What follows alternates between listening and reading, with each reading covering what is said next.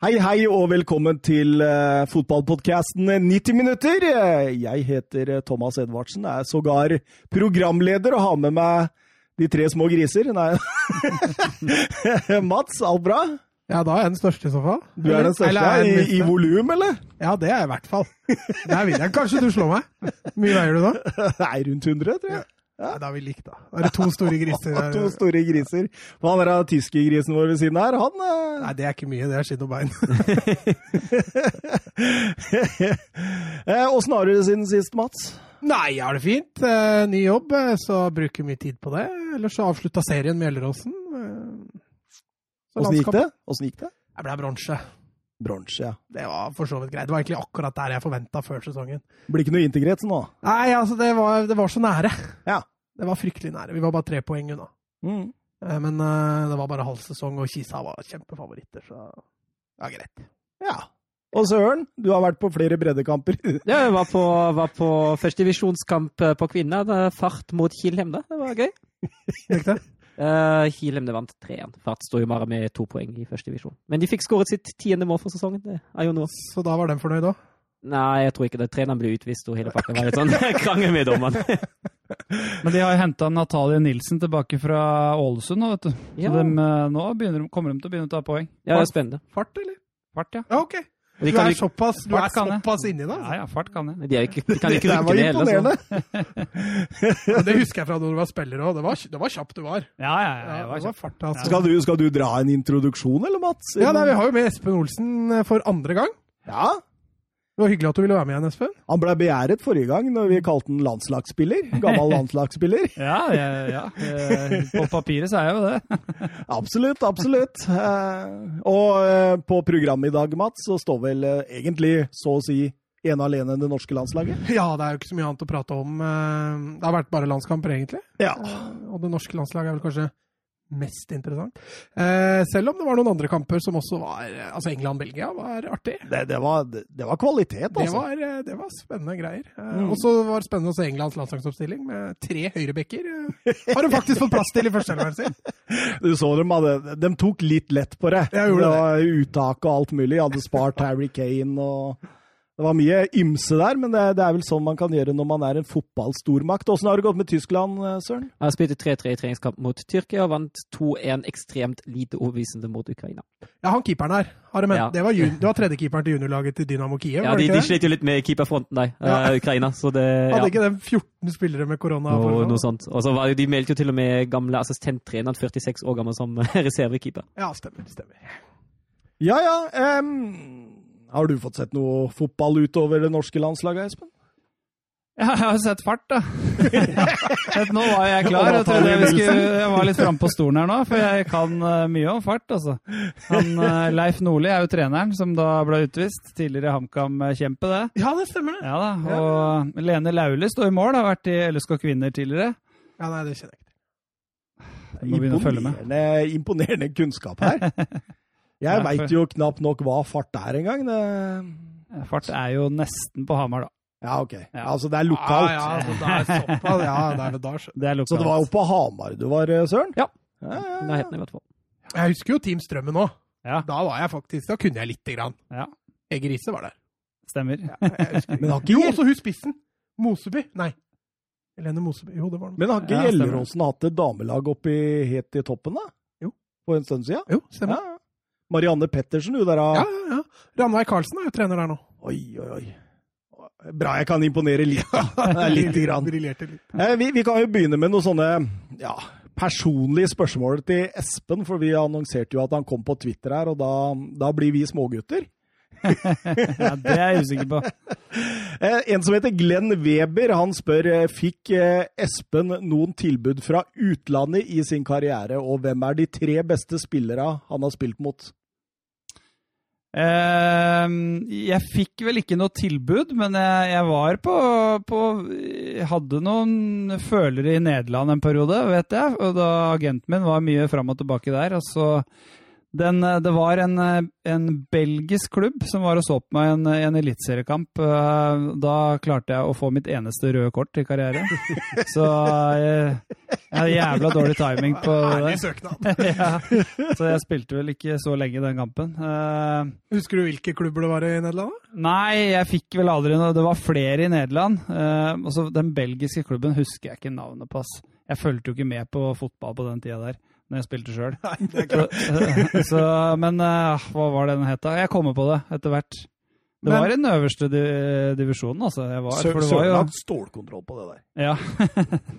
Du kan masse belgiske fotballklubber. Ja, Kaloa, Moskro, uh, Serkel Brygge, Cercle Brygge, Klubb-Brygge, Klubb Gent, Genk, Anderlecht, Anderlecht Nei, jeg kan sitte litt her òg. ja, er Beveren. Beveren, ja, stemmer det. Lokeren? Nei. Jo, Jo, Lokeren. Ja, eh, Kristinsson var i Lokeren. Ja, hvor var det Rekdal var?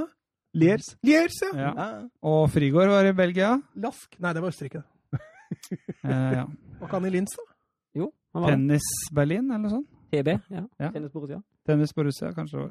Oi, oi, oi, oi. oi. Nei, hva var spørsmålet? ja. eh, Hvem jeg hadde spilt sammen? Ja, de, de, de tre beste mot vil han ha her. Åh, mot, vet du, fordi jeg Blir noen Rosenborg-spillere da, vet du.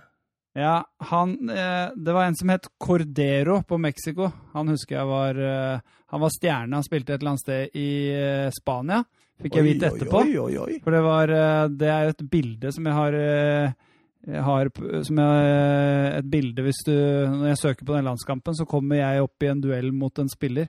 Ja, men Han det er det vi har lagt ut på er Twitter. Guardado. Ja, det kanskje var. Hva sa jeg?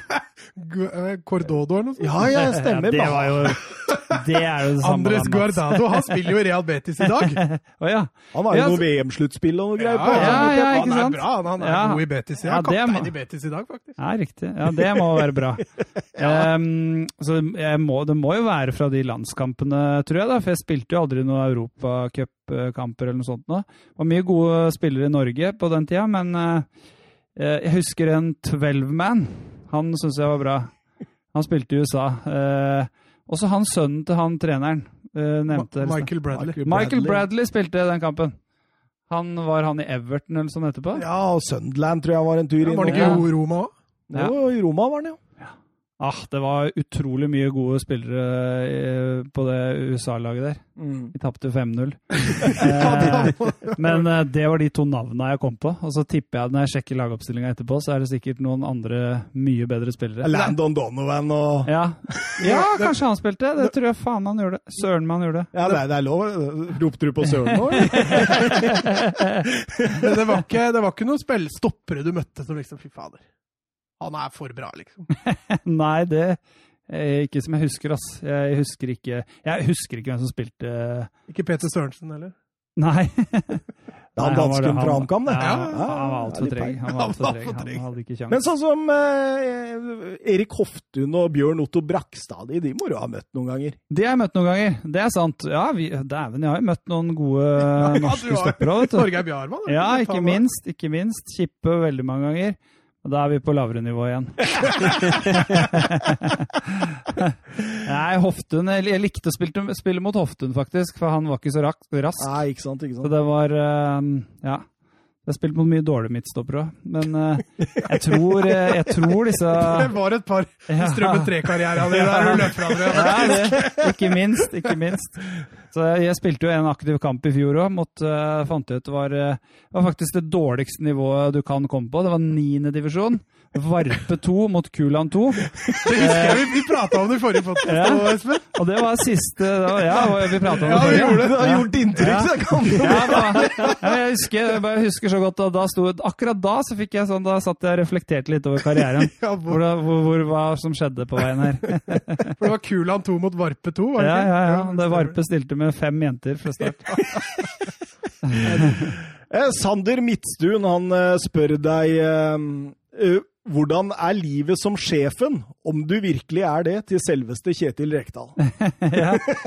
eh, nei, det er jeg Det var en veldig spesiell situasjon for meg, fordi jeg er ansatt som sportssjef, eh, men fikk jo ikke være det fordi vi mangla folk i trenerteamet i fjor. Så endte vel som, som, som en slags assistent, eh, manager, eh, hva som helst. Uh, Samarbeida i hvert fall med Gaute, så forsvant han til Tromsø, og da måtte jeg ta over som hovedtrener, fordi det var så tett opp til seriestart. og vi hadde liksom ikke noe, Det var ikke så store ressurser, og vi hadde ikke, hadde ikke mulighet til å finne inn, hente inn noen nye. Så vi henta Geir Frigård som, som, en assistent. Og etter sju uker og fem tap og to ørt, vel, så skulle de ha inn Rekdal. Men øh, ville at jeg skulle være med og, og lede teamet videre. Så jeg hadde en god prat med Kjetil før når han, når han blei ansatt, og har hatt et veldig veldig godt samarbeid med han etterpå. Så nå, vi, ja, om jeg er sjefen hans, så han, vi, vi, jobber sammen i hvert fall. Vi jobber tett sammen eh, rundt laget. Han bruker meg i,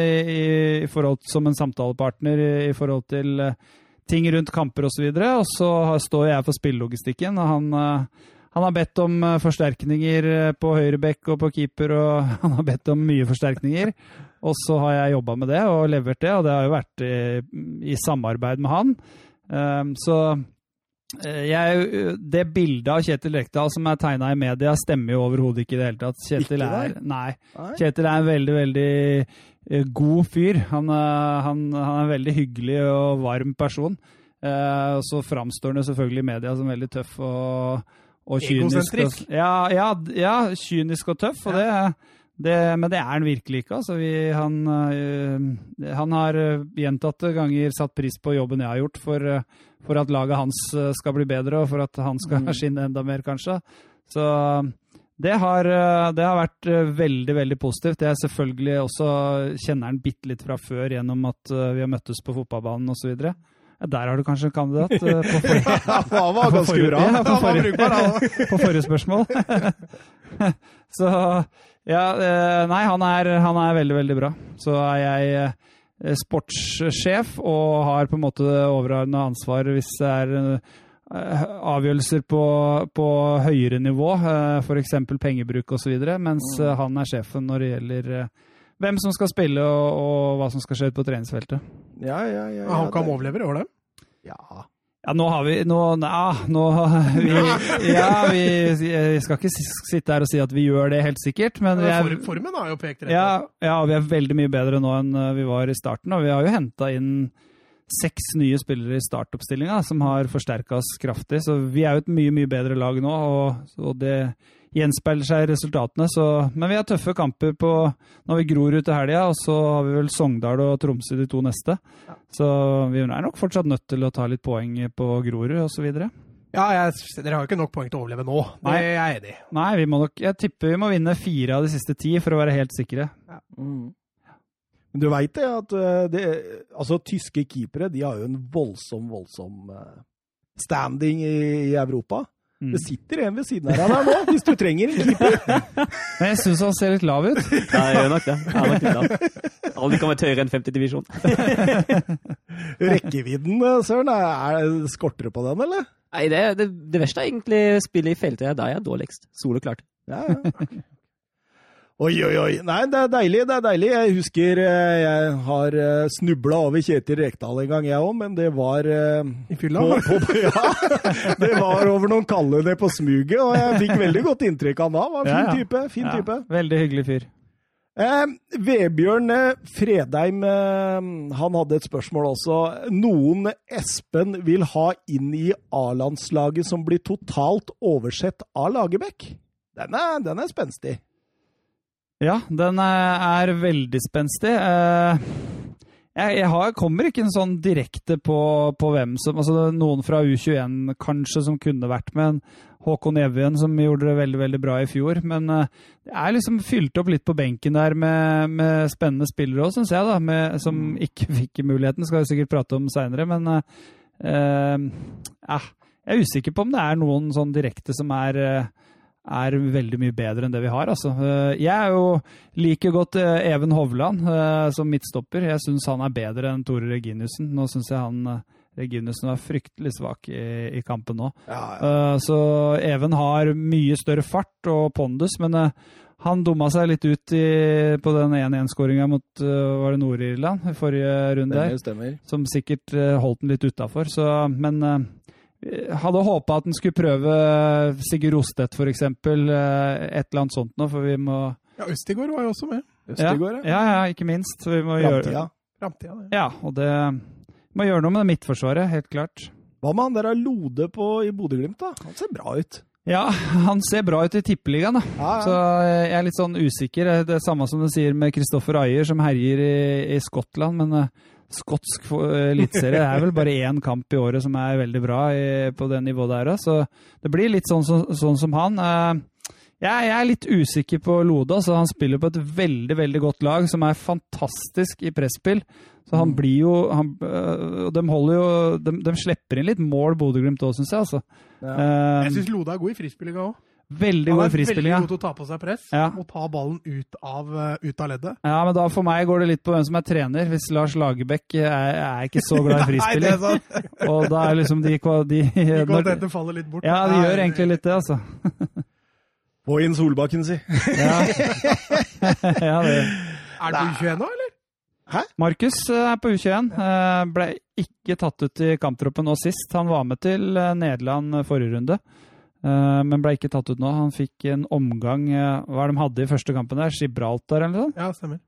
Og så var han med til Nederland, men kom ikke innpå nå. eh, Så han har ikke spilt de to siste. Og grei scoring. eh, Hvem var det med? Koffa? Nei. Han har lobba over keeper der. ja. Ja. Det var, det var klasse. Fader, har vi spilt mot henne? Sandnes Ulf. Sandnes Ulf. ja, ja. Det var ja, overraskende å se han i den posisjonen der, på, men han er kanskje ikke god på defensiv dødball. Nei, men ja, han har bra størrelse, så vi har jo venta litt på Markus i år. Altså så venta på at han skal For han har bøtta inn mål i treningskampa før koronapausa og på trening, så vi har savna litt målpoeng fra han, så endelig fikk vi en. Deilig. deilig. Mm. Skal vi bare kjøre intro, eller? Det er, det er masse spørsmål og Ja, mye snacks, og vi vi har mye å gå gjennom. Kjør, du. Ja, vi kjører.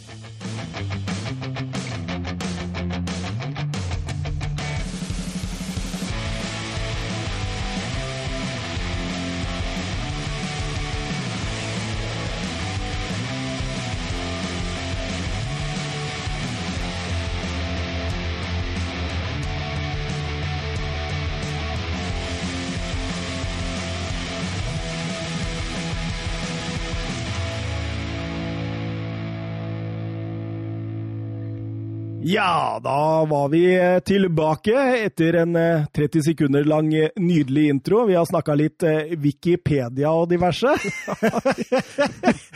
Jeg prøvde å tipse Espen om eh, Wikipedia-sida hans, eh, og jeg tror ikke han visste at det var en Wikipedia engang. Nei, jeg, jeg, jeg hørte at det var en på engelsk, men du visste meg en helt annen en. Ja. Er ikke... Ja. Så jeg tipsa deg om det bildet der. Det var eh, Nei da, for all del, det ser ikke rart ut, men det ser ut som snusser. Ja, jeg gjør jo det. Og det var da jeg kom på at jeg har jo faktisk forsøkt å lage en Wikipedia-side om meg selv. Det gikk ikke. Jeg Fikk beskjed at jeg, du er ikke kjent nok.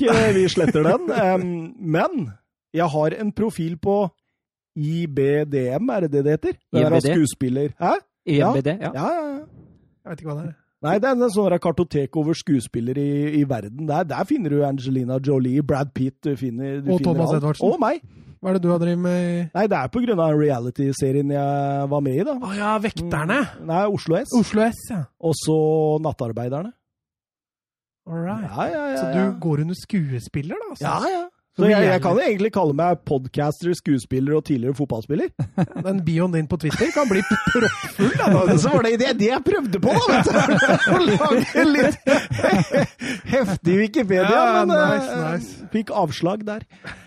Ehm, og så er det andre som sitter i studio her som bare får den lagd for seg. Det, det er forskjell på folk. Ja, det. Jeg skal i hvert fall ikke ha på meg at jeg har lagd noe Wikipedia om meg sjøl. For det trodde jeg ikke gikk an engang. Nei, du bare jeg går av. Kan, sånn- kan hvem som helst bare gå inn der? Eh, ja ja, men eh, Serbia-Norge, eller Norge-Serbia ble det, for han ble spilt på Ullevål. Ja. Eh, det var litt sånn Dette var sjansen. Den store, store sjansen vi hadde for å komme til EM. Ja, så Hvis du skal ta mot de tidligere playoffene vi har hatt, da, så var det Ungarn i 2015. Det var vel kanskje en enda større mulighet, hvis du tenker på motstanderen. Men eh, mulighetene før der har jo vært Italia, Tsjekkia, Spania. Det er klart at Serbia er en litt mindre nasjon, så Men allikevel, det var en gyllen mulighet, kan vi i hvert fall si. Det er liksom, Norge har fått et litt sånn stempel nå for å svikte når det gjelder. Mm. Ja, det er jo berettiget når jeg tenker på de resultatene sist, de siste åra. Så var det litt sånn Husker du i Tyrkia-kampen og Thomas Myhre tabba seg ut, Espen? Ja, jeg husker det. Det husker jeg godt. Så, og det er riktig som blir sagt her. De, er noe, det er et eller annet som skjer altså, når, når alvoret virkelig er der. Så er vi jo fantastiske i kampen både før og etter, men når det virkelig gjelder, så, så gikk vi skikkelig på trynet. Og Lagerbäck, da, som liksom er Han er jo en mesterskapsgarantist. Ja, han har jo tatt både Island og Sverige og Nigeria og, og, og så videre. Og så videre. Ja, jeg kom ikke på flere, Ja. så da ble det og så videre. Jeg veit ikke om han bare fikk Nigeria. Ja, mulig. Da tar du meg Jeg tror det var nesten der. var sånn, altså, at han bare Han har i hvert fall vært i mesterskap med en del nasjoner tidligere, eh, så han burde jo kunne dette. Eh, Men eh, jeg vet ikke om du skal ta litt info om kampen først? Ja. Vi kan snakke litt om det, fordi altså, selve inngangen så var det jo sånn at eh, serbiske fotballeksperter og tidligere spillere snakka jo ganske mye i media om at, eh, at folk hadde nesten gitt opp dette serbiske landslaget. At det var, eh, var, var egentlig Altså, han eh, Dragoslav Stefanovic han sa jo også til og med at det er kun Gud som kan redde oss fra Haaland. Så da fins den, da. Ja, ja det, tydeligvis, da. Altså Gud, altså. Ja, Åland, Åland, veit jeg fins. Eh, Mens i Norge så var jo optimismen egentlig stor, eller? Ja, han var jo også det for så vidt innad i dette panelet òg. ja, du tenker på den Ja, eh, 66 av oss tippa jo Norge-seier. eh, Så, men jeg var jo litt optimist, jeg òg. Jeg tenkte jo at vi har en veldig god mulighet. Og så hadde du Nord-Irland-kampen friskt i minne. Vi var veldig gode.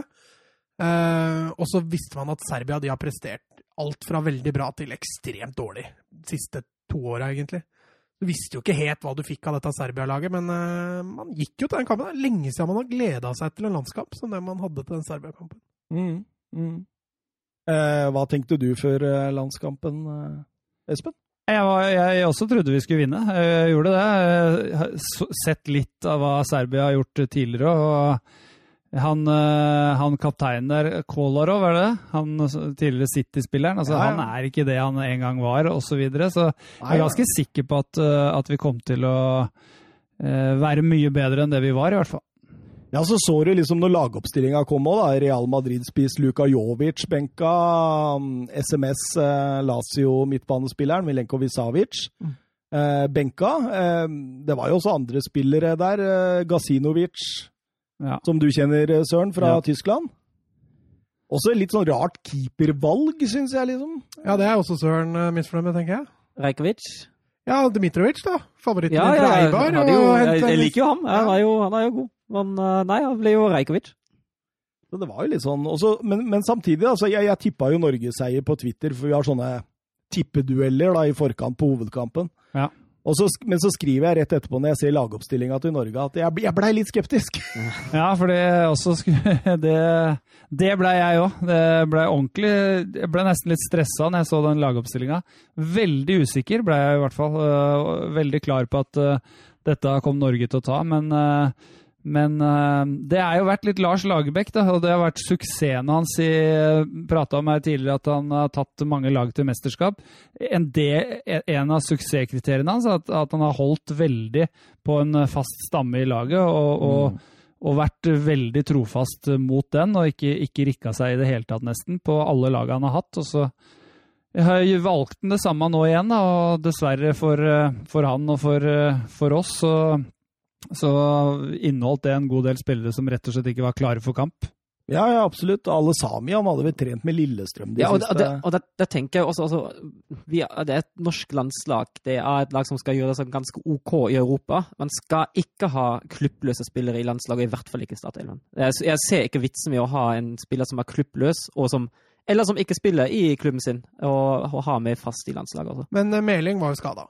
Han kunne jo ikke Ja, spilt. greit nok. Men hva, Og hvorfor, hvem- hvem er det som- Linnes? Hvorfor ikke bruke Linnes?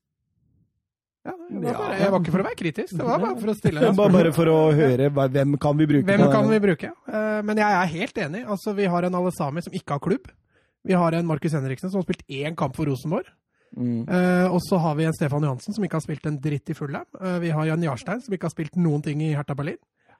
Så det er altså bare, Der har du fire spillere som ikke er i kampform. Nå kan vi ikke arrestere Jarstein, føler jeg. Nå har vi ikke begynt med kampen ennå, men uh, han er vel den eneste som kommer greit fra det. Men de tre andre var skivebom, altså.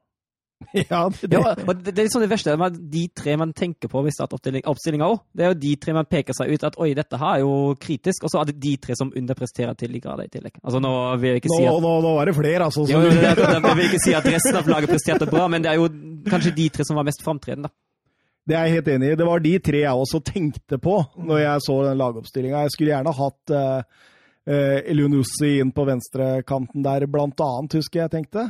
Men jeg tenker inngangen til Lagerbäck der var egentlig veldig grei. Altså Det er som Espen sier, altså lojaliteten til de spillere han allerede har spilt inn, i tillegg til at det er så tydelig at han prioriterer det defensive. Mm. Og det sier jo det i intervjuet etterpå. Det er balansen. Det er balansen i det. Han skulle forsvare seg tett. Han har jo sett denne fire sentrale midtbanespillere-konstellasjonen før. Det var ikke noe sånn kjempeoverraskende at i hvert fall enten Henriksen eller Johansen skulle starte, men at han fant plass til begge, det var litt overraskende. Mm. Mm. Og så setter jo kampen i gang, da, og det, er- det, er- det er jo Serbia. Du tar jo taktpinnen og begynner å styre dette fra første minutt. Det tar vel to, 22 sekunder før den første headinga kommer av Maksimovic. Ja, den er, det, det, og det er et lite sånn skremmeskudd, tenker jeg, når det, liksom, det går rett opp 22 sekunder, så er det første ballen inne hos Jarstein.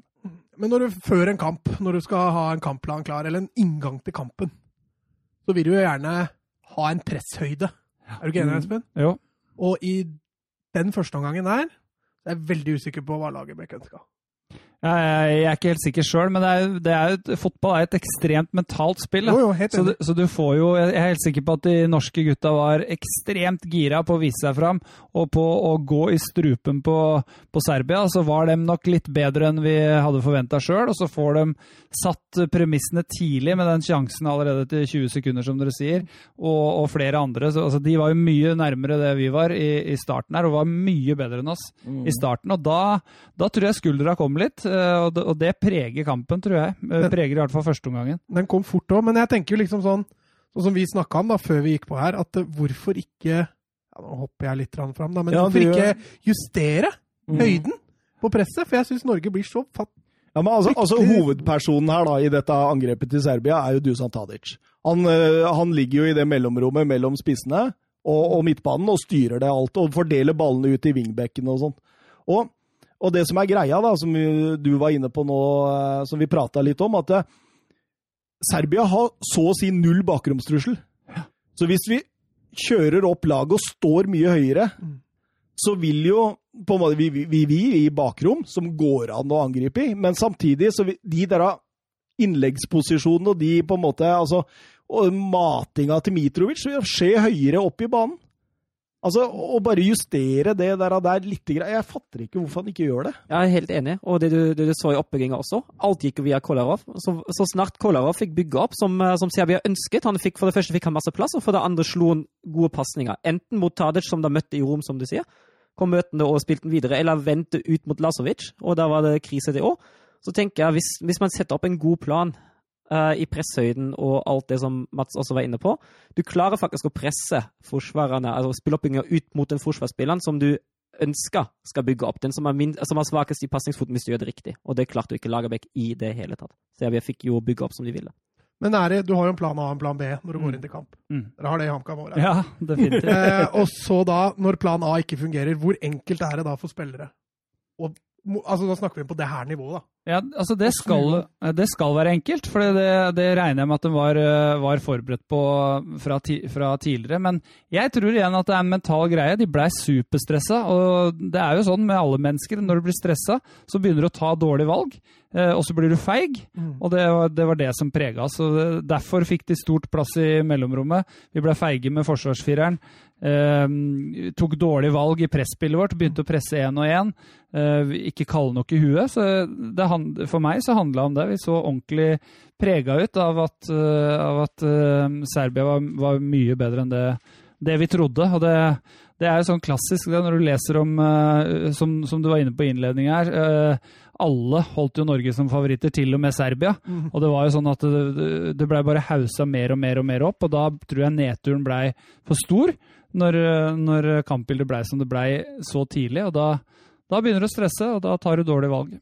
Men, men, men, men kan det ikke altså, det, det jeg ofte tenker på, da, det er at det, du har de der quick fixa, Mm. de som du kan gjøre veldig fort, og så har du de der som på en måte er litt sånn mer permanente, eh, lengre langsiktige eh, i forhold til innad i kampen. da. Mm. Og, og der, for eksempel, å bare si til Henriksen da, ta ut Dusan Tadic. Ta han ut, liksom, sånn at han ikke får styre dette spillet. Det det er jo en sånn liten quick fix fram til man eventuelt har noe bedre å, å komme på. Eh, Altså, Dusan Tadic han fikk så mange meter, han. Ja. Jeg, jeg, tror du, jeg tror, tror nok Lagerbäck håpa at, eh, at de skulle klare å, å riste av seg den dårlige starten og komme inn i det, den planen han hadde lagt. Ja. Nå vet ikke jeg Jeg antar jo at de hadde lyst til å ta Serbia høyt, og, og selv om det kanskje ikke så sånn ut alltid, så tipper jeg at plan D- B var å samle seg ordentlig, som Lagerbäck har hatt suksess med tidligere. Det er han jo flink til, å organisere laga dypt i banen osv. Men samtidig så er det sånn, du, du kan liksom ikke bare si at treneren skal gjøre sånn eller sånn, for det er, de, det er unge gutter utpå der. Og hvis, eh, hvis du skal ha stramme linjer, så må du ha ti lojale spillere. Hvis en av de begynner å skal gjøre ting på egen hånd, da, sprinte ut i press, jeg så en situasjon der hvor spissa plutselig bestemte seg uten å ha med resten av laget, og så har de da fått beskjed om å, om å dette ned, så begynner de å presse, og så går de bak. Da har ikke de noe valg, så må du følge etter, og så blir det feil på feil på feil eh, hele veien. Og det, det er jo Det skjer i fotball, det til og med på det nivået der, at eh, en eller annen går ut av ramma, og så, og så faller hele korthuset. Men det, jeg syns også det som sier er spesielt synlig på venstresida vår. Ja. Der er det enorme rom. Altså. Ja. Og det er mulig at alle sami fikk beskjed om å, å, å ligge smalt. Men eh, Johansen har altfor stor avstand opp. eh, Og som vi var inne på før, Lasovic får også fryktelig Så du det ene gangen der med det utspillet mot Tadic ut høyre der? Hvor eh, Stefan Johansen prøver å bryte foran, og så klarer han jo ikke det. Tadic stormer oppover på høyrekanten der, og så venter han på at uh, Johansen skal komme inn inn igjen, før han bare enkelt drar forbi den. Mm. Det er liksom sånn Altså, det der holder ikke, altså. Det holder ikke, rett og slett. Det er, det det er eh, lave mål. Ja. Altså, vi, vi har jo sett eh, tidligere Mourinho han har plukka av spillere etter 20 minutter. Han må kunne gjøre sånn, tenker jeg. Mm. Ja, du mener han burde gjort det Ja, altså, Han burde tatt den ut med en gang. For det, det, når, når du å, altså, Du er så langt unna det nivået du skal være på, da, at du blir en byrde. og Det er, det er klart, det, men, men bedre altså, alle Sami har fått veldig mye, og det er jo for så vidt fortjent, det. altså han, Men li, Han fikk ikke noe hjelp. Nei, han får jo ikke noe hjelp. Jeg tror det er eh, kanskje største problemet, at han fikk veldig lite hjelp i den kampen her. Og igjen, Lagerbäck eh, Stefan Johansen var kanskje en av Norges beste mot Nord-Irland. Han var ordentlig god med masse gode pasninger. Håper jo at Norge skal ta over kampen igjen og, og få bruk for pasningsfoten hans, da, som er, er grunnen til at han er der. Det viste han jo mot, mot Nord-Irland, så ja. Men eh, ja, kanskje han burde dratt den av. Og så når du får disse innleggene da, gang på gang fra spesielt Lasovic, så er jo Mitrovic han Det er jo den posisjonen du ikke har lyst til å ha han i. Det, det, det, det er jo der du ikke vil ha han. Du vil ikke ha han i, i luft eller i egen boks. Altså, Reginiussen så jo ut som en juniorspiller. Han gjorde det? Ja, han gjorde det. Mm. Han hadde ikke Ja, han så tung ut, altså. Ja, han gjorde det. Fryktelig tung. Jeg er slits. Du får liksom sånn medfølelse for Reginiussen i de situasjonene der, for du, du ser han har ikke kjangs. Nei, han har ikke Han er ikke i nærheten, liksom. Jeg sa det jo til Thomas òg, det har nesten vært litt synd at de ikke bytta Ayer og Reginiussen, at de bytta plass. Jeg tror, ikke, jeg tror Ayer også hadde tapt de duellene, men han, jeg tror han kunne gitt den litt mer motstand. Da. Ja. Nå skåra jo ikke Mitrovic, da. Så. Men, men det, er, det, er, det er et beist, Det var- altså. Det er et beist, det der greiene der. Det var Altså, ikke er- Norges feil at den ikke skåra. det, var, det var ikke Vi skal ikke ta på oss noe kreditt der. det er Nei. Men det er store Premier League-spillere som sliter i duellen mot han der. Ja da, det er det. Så det, det, det er ikke det det, det det skjønte man jo, liksom. Men eh, jeg tenker også etter 24 minutter der, eh, den Serbia-sjansen hvor de har ballen i 24 trekk. Altså, det er bare en sånn halvklarering av Ayer der. Ja, For eh, det Altså, eh, vi, vi, vi bare legger oss bak. Vi er livredde for å bli passert én mot én. Eh, og det, vi har jo ingenting sjøl. Martin Ødegaard, hver gang han får ballen, så er det enten sidelengs eller vende bakover. I forhold til Romania, da, som vi også skal snakke om seinere, hvor Martin Ødegaard vender riktig vei Mm. og drar av spillere. liksom. Altså, det, er, det, det, er sikkert noe i det du sier, Espen, at det ligger litt mentalt det der òg. Altså. Ja, så er det, det er jo det, Noe av det vanskeligste er jo å ligge bak og løpe etter ballen. Du, som du sier, eh, Derfor possession har blitt så populært de siste åra. Altså, hvis du- når du har 24 trekk, så det, betyr det ekstremt mye løping.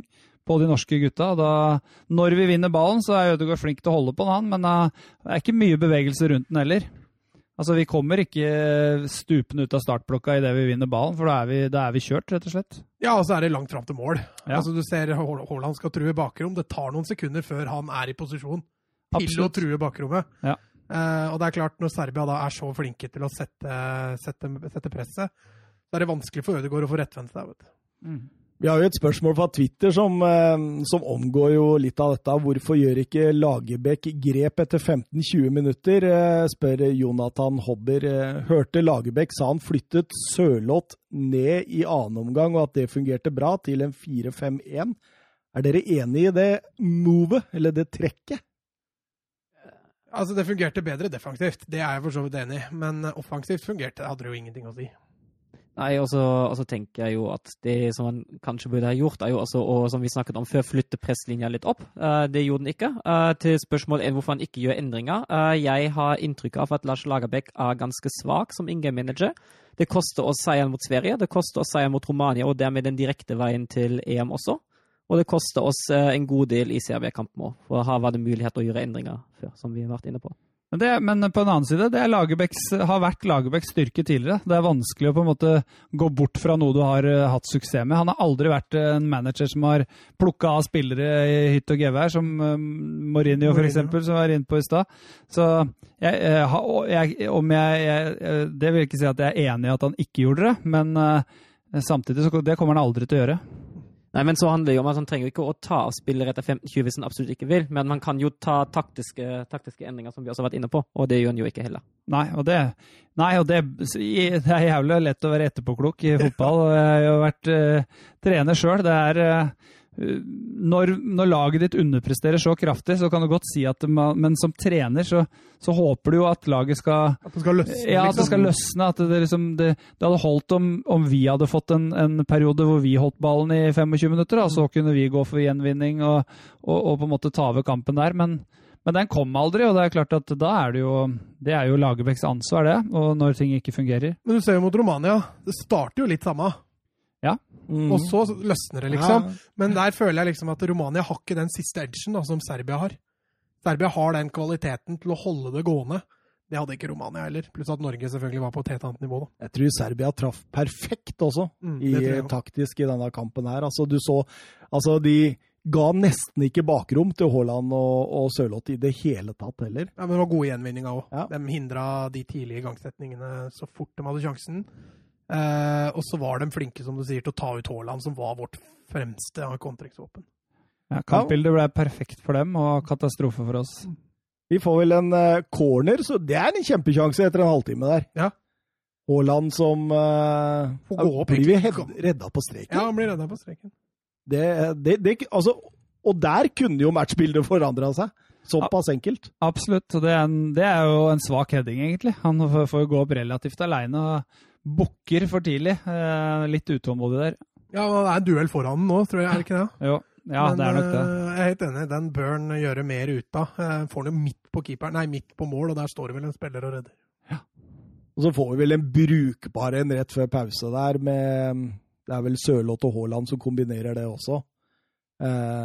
så går ballen inn til Sørloth etter hvert. Ja, og så må man header, men ja. Nå har du leita godt i Ja, det, det, det, var det vi hadde, altså. Ja, Ødegaard hadde vel et skudd 20 eh, meter over òg? Ja, han, hadde vel, ja, han, han prøvde å dra der, ja. ja.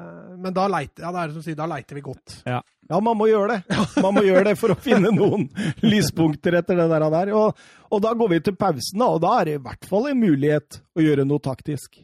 Og, og du kan jo si på en måte han gjør det med å ta ut Henriksen og sette inn på nordmann. Ja, så senker han jo Sørloth, da. Han går litt dypere. For meg ser det ikke ut som en rein 4-5-1. Nei, 4, jo, 4-5-1. For meg ser det mer ut som en 4-4-1-1. For ja. Sørloth ligger foran som et skjold foran midtbanen. Og det, det løser ikke alle problemene, men, men, det blir litt mer stabilitet på, på midtbanen. Det gir Kolarov enda bedre tid i oppspillet, Søren? Ja, det gjør jo det. det, det jo, jeg, skrev, jeg skrev jo at eh, jeg skrev en sjanse etter 55 igjen. Kolarov til Tadic og første touch ut til Lasovic. Det var jo et kjent mønster. Det var et veldig kjent mønster. Mm. Skjønte at det var Men Tadic også. Det er et nivå der når han får det til. Mm. Som er voldsomt, voldsomt høyt. Ja, og det, det, det, går jo på alt. altså Når han har en sånn dag som det der, det er jo, det er jo bevegelsen han tar, det er pasningsspillet, teknikken. altså det, det, er så mye bra da som, eh, som, det er. Jeg skrev jo i chatten vår gøy å se på Tadic.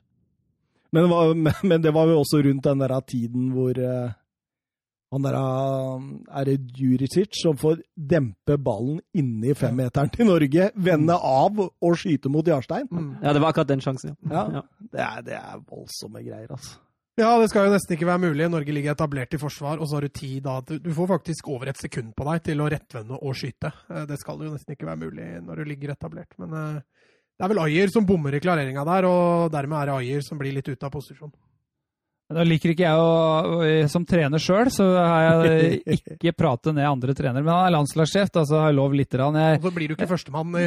nei, nei men jeg, jeg, han tar av Henriksen, ja. Men uh, vi hadde jo uh, store problemer på venstresida hele veien, syns jeg. Så i etterpåklokskapens navn så burde han absolutt ha gjort noe med det. For Henriksen var eh, Jeg syns jo ikke han var eh, noe svakere eh, enn det Stefan Johansen var, eller alle sammen, for den saks skyld. Nei, altså, synes jeg jeg savna litt å få inn et skjold foran stoppera i rommet til Tadic. Ja, og så flytta Altså, heller tatt Sørloth av, da. Ja, ja. Og så flytta inn en defensiv en, enten Sander Berge eller Mathias Nordmann, og så satt han i den dype. Mm. Ja. ja. det er jeg enig i. Også, også gjort noe med Tore Reginiussen. Uff a meg, han hadde en tung ja, han dag. Hadde en tom dag. Ja, men når han først gjorde noe der, så var det jo jaggu meg det han satte inn på, da. det, er, det er litt begrensa alternativer vi har på stoppeplass, altså. Hvor er han spiller nå?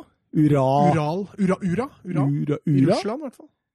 Jeg, så, jeg, hørte kommentatorene sa han ikke har fått spille noe i år, men det har han. Han har vært innpå Jeg tror han har starta tre kamper eller noe sånt. Ja. Så han har bedre kamptrening han enn flere av de andre gutta vi hadde på banen. Vi har et midtstopperproblem akkurat nå, uten tvil. Vi har det. Jeg husker, Det er ikke, det er ti-tolv år siden jeg tenkte nå har vi en kjempegenerasjon med stoppere på gang. liksom. Ja, Even Hovland, da, ja. kompisen din. Og så var det Demidov og Nordtveit når de var unge. Ja. Der får vi bra stoppere fram. Altså. Mm. Ingen av dem har greid å slå gjennom. Men Rosted, spiller han uh, nå, eller? Ja, I klubblag? Han hadde jo en kjempekamp rett før landslags... Uh, Skåra til og med. Ja. Ja, og der, ja, det var vel mot Kjøben? Ja, 2-1-seieren mot Kjøben. Ja. Og da, skjønner jeg jo ikke det helt. altså det Romania kommer, kommer sikkert til det, men da leder du 3-0 på hjemmebane, og så halv omgang igjen. Hvorfor gir du ikke tid til de unge spillerne? Særlig i midtforsvaret, da vi trenger det. Hvorfor bruker du ikke Roste eller Østegård? Østegård. Ja. ja, eller begge. Begge Tror begge burde spille. fortsatt ung, da, men han er jo, hvert fall, han er jo veldig inne i Altså, men Aya gjør, Det gjør ingenting om Aya sitter på benken en halv omgang. Det, det går helt fint å ta han av. Han er jo etablert på det nivået. Ja, jeg tror kanskje Rosted også er bedre. Uh, som, jeg jeg syns Ayer er veldig oppskrytt i forhold til det han, uh, han Ja, han leverer veldig godt i, i Skottland, men uh, det er jeg rimelig sikker på at Rosted hadde gjort det. Mm. Ja. Men Lagerbäck blir tvunget til å ta av Stefan Johansen. For et spørsmål på Twitter fra Vebjørn Fredheim hvor problematisk er det at vår kaptein ikke spiller fotball ukentlig? Eh, Espen, kan du ta litt om det? Ja, Det er kjempeproblematisk. for Du detter helt ut av, av, rytmen, og da tro at han skal gå inn og gjøre en, eh, en kjempekamp uh, uten matchtrening det, Når vi trenger det som mest? Ja, det, det er å tro på julenissen. Det, det er litt unfair òg, egentlig? Ja. Han blir jo en hakkekylling, egentlig? Ja, ja det, absolutt. For han, han, har jo spilt gode kamper tidligere, og var vel god igjen i championship i, i fjor. Det har vel vært sånn med han at han spilte mye championship, og så rykka de opp, og så var han helt ute. og så var han vel på et utlån, og så samme historien igjen. Spilte mye når de, når de rykka opp nå. Og så får han ikke noe tillit nå. Det, det, er, det, er, ikke noe tvil om at det er et, det er et kjempeproblem. Ja, God nok for Championship, men ikke for Premier League. Nei, og da, for meg er det helt Jeg syns det er veldig rart at uh, Jens Petter Hauge, som, som da jeg har akkurat gått til Milan og har trylla nå uke etter uke og, kjørt overstegsfinter ut av en annen verden på San Siro bare noen, bare noen få dager i forveien. Det var god her. òg. Ja, ja, ja, det, er jo, ja, det er jo så i dytten. Altså, Skåringa han har og assisten han har på altså, dette, Det er ikke mot, det er ikke mot uh, Sandefjord han gjør det. Uh, det. Han har gjort det òg, men det er mot mot Milan på, på San Siro. Liksom. Da, det er jo klart at han, han er en sånn eh, han, eh, Det vet jeg fra tidligere. altså Når du, er, når du har den sjøltilliten, så tror du at du kan få til alt. Mm. Og, hvis, ja, og hvis du tror at du kan få til alt, så får du til alt. Og så, Sånn er det bare. Jeg husker det veldig godt fra, fra, min egen karriere. Når jeg var på mitt beste, så var det sånn da, eh, det, det høres cocky ut, men jeg husker jeg så på lagoppstillinga når vi skulle møte Bodø-Glimt, så hadde de Fredrik Kjølner og Cato Hansen som midtstoppere. Da begynte jeg bare å le. Jeg tenkte åssen i alle dager skal de gutta der få stoppa meg? De klarer ikke å ta igjen nei, deg, altså, de. Det er nødt til å lage frispark da, hver gang jeg får ballen. Sånn tenkte jeg. Mm. Og, det, og, og det var for, fordi jeg var i den i, i mitt eget hode og hadde Ja, ja. prestert så godt at jeg tenkte at det, altså, det her, her kommer jeg til å få det moro. Og jeg skåra jo i den kampen, og vi vant. Og, og, sånn er det. Og det tror jeg var litt inngangen min i hodet. Og det er det Ja, jeg mener sant? med Jens Petter Hauge. at det, Fader, han, han skjønner ikke annet enn at han tror sjøl at han er en av verdens beste fotballspillere nå. Da, da må du slippe han til, altså. Hadde du, hadde du vært Ja, i dårlig flyt og hadde hatt en sånn dårlig følelse på det, så hadde du tenkt at uh, Cato Stefan Hansen og Fredrik? Kjølner Ja, det er, dette Ja. kommer til å gjøre vondt. Riktig, det, Ja. det gjorde jeg jo. Jeg har møtt de gutta mange ganger, jeg, og jeg har aldri hatt den inngangen som jeg hadde akkurat da. Og da Ja. For da, da, følte jeg meg, da følte jeg meg så jævla god sjøl, da. Mm. Så, så det- jeg ja. tror også litt av problemet med Stefan Johansen da, er jo det at eh, Lars Lagerbäck tenker nå, for jeg så det i Dagbladet, da, eh, men at eh, det er et problem bare at han er en kaptein, og at han ikke er god nok. Mm. Det spiller ikke noen rolle at han ikke spiller. For kapteinen skal jo være Ja, altså, han skal, altså Jeg tror Lagerbäck ser litt problematikken i det. At eh, fader, nå har jeg en kaptein altså, som egentlig ikke er god nok. Og det Mm. fikk vi bekrefta mot Romania òg, og i hvert fall mot Serbia. Sånn at, altså Ikke det at han ikke er god nok sånn i den forstand, men han har bedre alternativer, da, ja. for å si det på den måten. Eh, og det tror jeg også Lagerbäck kan se på som litt problematisk. Hvem ville du dytta inn som kaptein i dette laget? Nei, det, jeg syns det er et godt poeng, da, for det er kanskje det største problemet vi har akkurat nå. Vi har jo ikke noe sjef. Ja. Vi har ingen sjef på, på det laget der. Vi har ingen, uh, vi har ingen Kjetil Rekdal. For. Ja, men, eh, når Kjetil Rekdal var sjef, så hadde han i tillegg sjefer bak seg, med Henning Berg og, og Ja. andre typer. Akkurat nå så er det ingen som skal ta den rollen. Sander Berge er, er ikke den typen spiller, selv om han, han, han er autoritær osv., men han er ikke noe kap- kaptein sånn. Nei, nei. Eh, Det mangler rett og slett en som er eh, en som er sjef over de andre ute på banen der, som kan, som kan ta tak. og det, det, det kunne vi absolutt trengt eh, i forhold til å få gjort endringer og få, få samla troppene inn mot, eh, etter 20 minutter mot, eh, mot Serbia. Men den spilleren, den, den har vi ikke. Ayer er ikke den typen. Og, og, nei, det tror jeg ikke. Kanskje han, han har ikke den autoritet, altså naturlige autoriteten, syns jeg. Er ikke noe, han er ikke sånn Brede Hangeland er forrige jeg kommer på, som vi, Mm. som vi hadde. Han syns jeg hadde det. Han kunne, han kunne virkelig altså Når han heva stemmen, så, så lytta alle, på en måte. Nå er, det han, nå er det Stefan Johansen som er kaptein, og så er vel eh, Joshua King og Omar. Ja, ikke sant? Ikke noen store autoritære ledere i det hele tatt. Vi mangler en eh, skikkelig autoritær leder. Hørte For oss som har fulgt med på All or Nothing med Mourinhos eh, Tottenham, så snakker jo han om det også å ha tydelige ledere. Han snakker om at eh, Harry Kane han er en eh, silent leader. En som går fram som et eksempel. Og så har han en Hugo Lloris som virkelig står bak der og skriker og hoier. Og, og, og setter to sånne i et team, da. Det er åpenbart Altså, det er veldig undervurdert, i hvert fall blant oss fotballsupportere, da. Mm. Altså, ser hvor mye en kaptein faktisk betyr. Men han er spesielt viktig i motgang. Ja, det er akkurat det. Og det, Harry Kane er kanskje silent leader, men, men du ser altså det, han utstråler autoritet på banen. Eh, Haaland, som sikkert er på samme nivå som Harry Kane nå, Ja, ja. er jo ikke sånn. Han er, han er en unggutt, en villbass, og blid og hyggelig og morsom. Og, Han skal gjerne danse når han ja, ikke sant? Og sprinter i- oppi der. Altså Harry Kane scorer, så løper han og henter ballen, og så legger han på streken, og så er han klar igjen, på en måte. ja, ikke sant? Ikke sant? Eh, så, så ja. Harry Kane er leder, det er ikke Haaland. Nei, det er jo litt sånn. Men ja. kan Haaland bli en leder? Ja, det tror jeg han kan bli, men du, han trenger noen år, for du ser han er så ung ennå. Han guttunge? Han er en guttunge, ja. Eh, og du ser når han scorer og han liksom skulle prøve å få med Ødegaard på en dans. Så du det mot Romania? Ødegaard bare begynte å løpe med en gang. Det kan, det kan han ikke være med på! Nei, nei. Så hvem er er, leder? Hvem er leder på det norske landslaget nå? Hvem skal være det? Altså, Jeg hadde jo lyst til å lansere Ayer da, før du slakta han. Eh, ja, for det sa du før. ja, jeg. ja, men jeg mener jo at han er en leader in the making. For jeg så jo han i Lillestrøm som 15-åring. Han styrte jo den butikken der. Og i Start.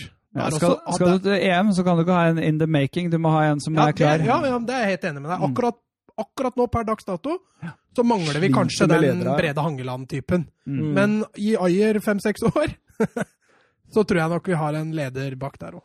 Ja, det er jeg ikke uenig i. Tenk hvor mange ledere det var i Drillos på 90-tallet. Ja, ja. Ja, det ser du jo nå. De sitter jo i Viasat-studio og TV 2-studio, og det er jo så mye ledere overalt nå. Så. Søren hater Viasat-studio. Hater ingen. Ja, men det er et poeng, det. Det var, eh, det var ledere overalt på banen. I mål og begge midtstoppere, alle på midtbanen uh, osv. Vi hadde ledere foran på topp der òg. Og så så du når noen ble benka under Drillo, så ble de forbanna, husker jeg. Husker Rekdal under USA-VM. Han var så forbanna for han ikke fikk Når spille. han ble vraka mot Mexico der. Ja, ja, ja. Det var jo hevn, sa han sagt, det målet mot Mexico der. Ja, Det var nesten sånn hevn inni hodet om å vise at ja, eh, ja. det er mental styrke. Når du så den benken til Norge, jeg er sikker på mange satt der og egentlig bare var fornøyd med at de var med i troppen. Så mye vi skryter av Rekdal nå, så bare be han høre på den. Ja, for alt jeg vet, så kanskje han hører på. Han eh, går mye tur med bikkjene om kvelden. Jeg vet han har propper i øra. Ja, men vi hadde til og med på den tida ledere på benken. Ståle Solbakken var jo Ja, ja, ja. sterkt involvert i byttet av eh, Flo inn mot ja, stemmer det. USA, det var eh, Brasil der. Frankrike-VM, det. Ja. Få innpå Flo, inn på Flo, ja. Ja, For han hadde vært i ferd med å bytte inn på Egil Østenstad. riktig. Han sto og trippa og var klar, han. Ja, ja. Altså. Er sterkt av Drillo da å, tenke også at eh, ja, da gjør vi det. Ja, Drillo visste han hadde ledere rundt seg. Ja. Og vært på et eh, foredrag med Petter Stordalen en gang. Altså, det var snakk om hvordan han skulle bygge opp dette han har, eh, han har bygd opp. Da. Og da, da sa han det at jeg, jeg er bare god til å plukke folk som kan mye mer enn meg. Som, altså, og det sitter folk rundt meg som veit alt Mm. om det jeg driver med.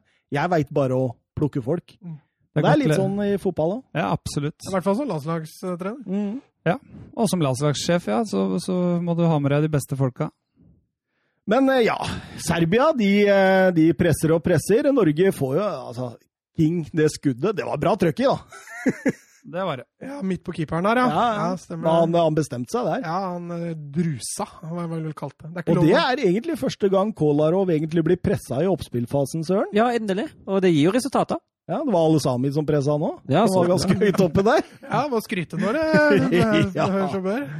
Ja, men altså, det er Jeg, jeg, jeg, jeg får jo litt vondt der. De, de, tenk å gå av en sånn landskamp, da.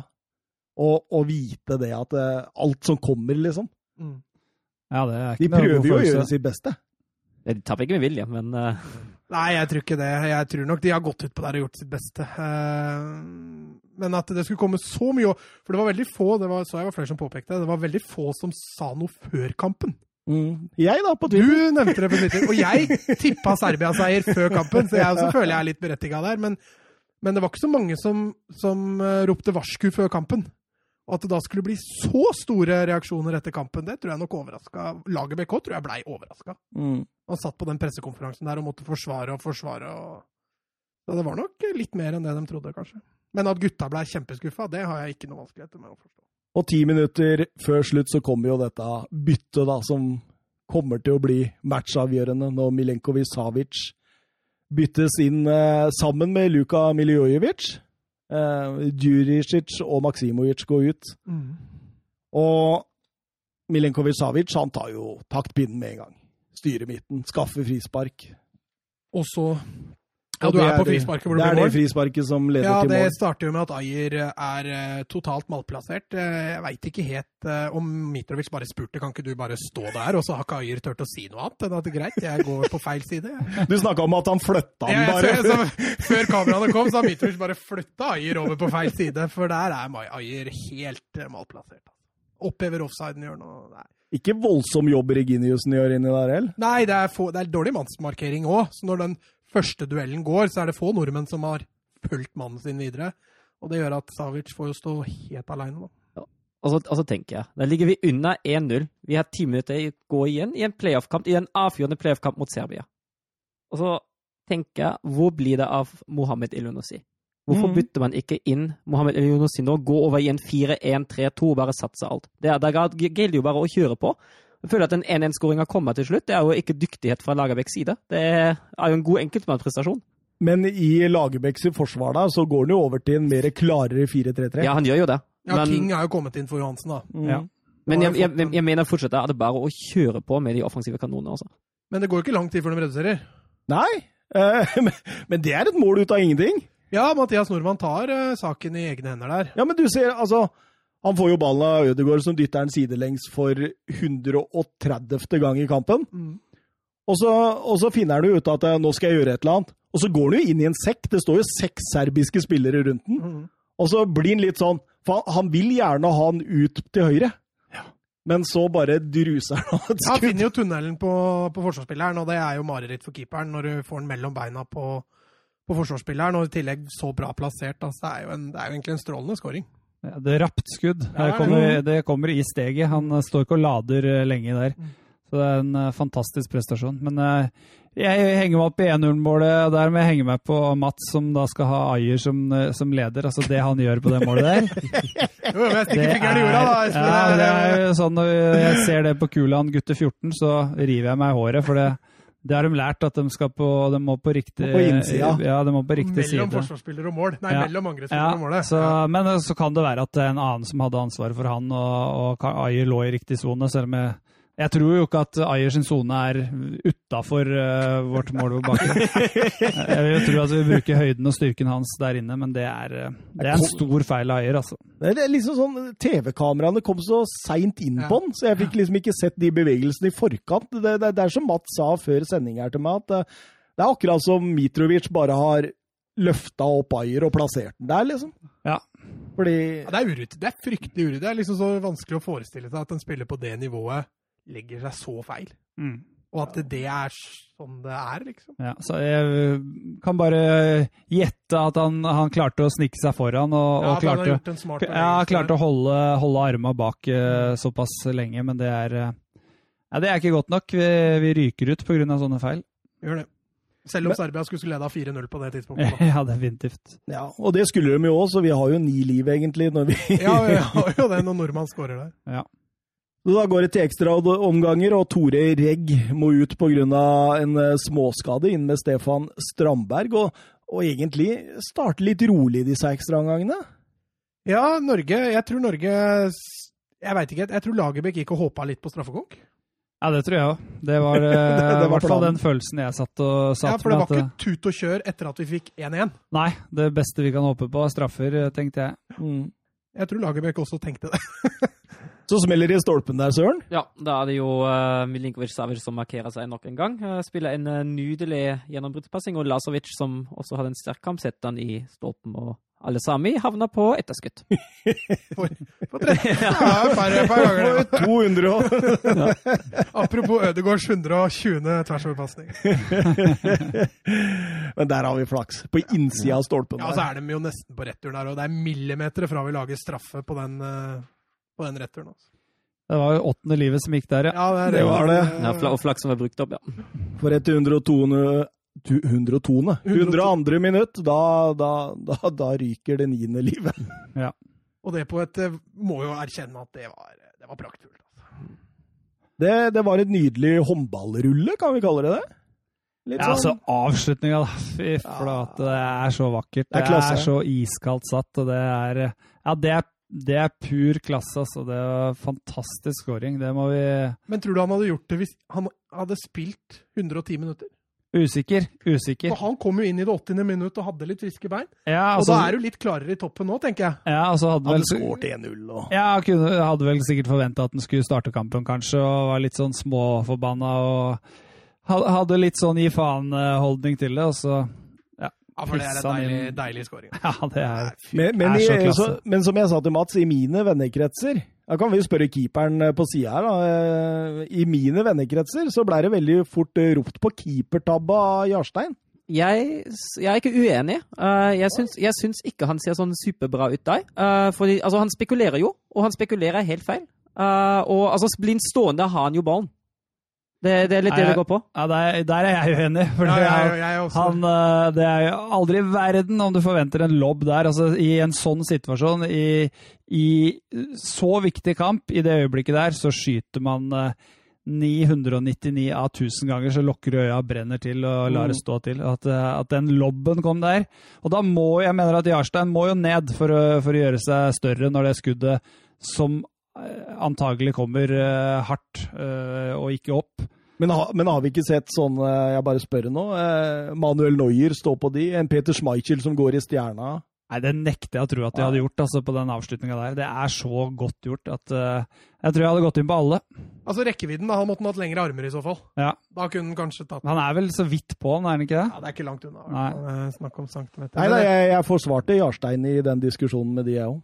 Fordi, altså, jeg syns jo litt uh, motsetning til Søren, da, altså, i forhold til at jeg syns han viser litt fotballforståelse der, jeg, Jarstein. Fordi, som Espen sier, det skuddet kommer jo ni av ti ganger. Mm. Og Nei, keeper- mye oftere enn ni av ti òg. Ja, ja, men en keeper er jo automatisk på vei ned Ja. når den der kommer. Også når den lobben kommer. Jeg har mye heller lyst til å bare hylle Savic. Jeg tror Søren hadde stått det. Nei, jeg, har, jeg gjort det. Jeg tror ikke det, altså. Søren hadde plukka. Nei, det går, den tror jeg ikke noen står på, altså. Å, det er nydelig. Det er jo nydelig. de, altså, ja, det er for mange keepere som legger seg tidlig, men da går jo skuddet hardt opp i nettaket. Hvis dette skuddet går hardt opp i nettaket, så tar Jarstein. Han står lenge nok, men når den, eh, chipen kommer, da er den helt satt ut. Ja, det Er ser jo dumt ut. Det er enig i. Det Det er så vakkert. Det er mye flaksing der. Og da kom jo byttet, da, som jeg virkelig irriterte meg over. Nå irriterte jeg meg over det. Det er Alesami og Linnes. Ja, det, altså, det, da blei jeg faktisk irritert. altså, ja. det kommer jo 106 minutter for seint.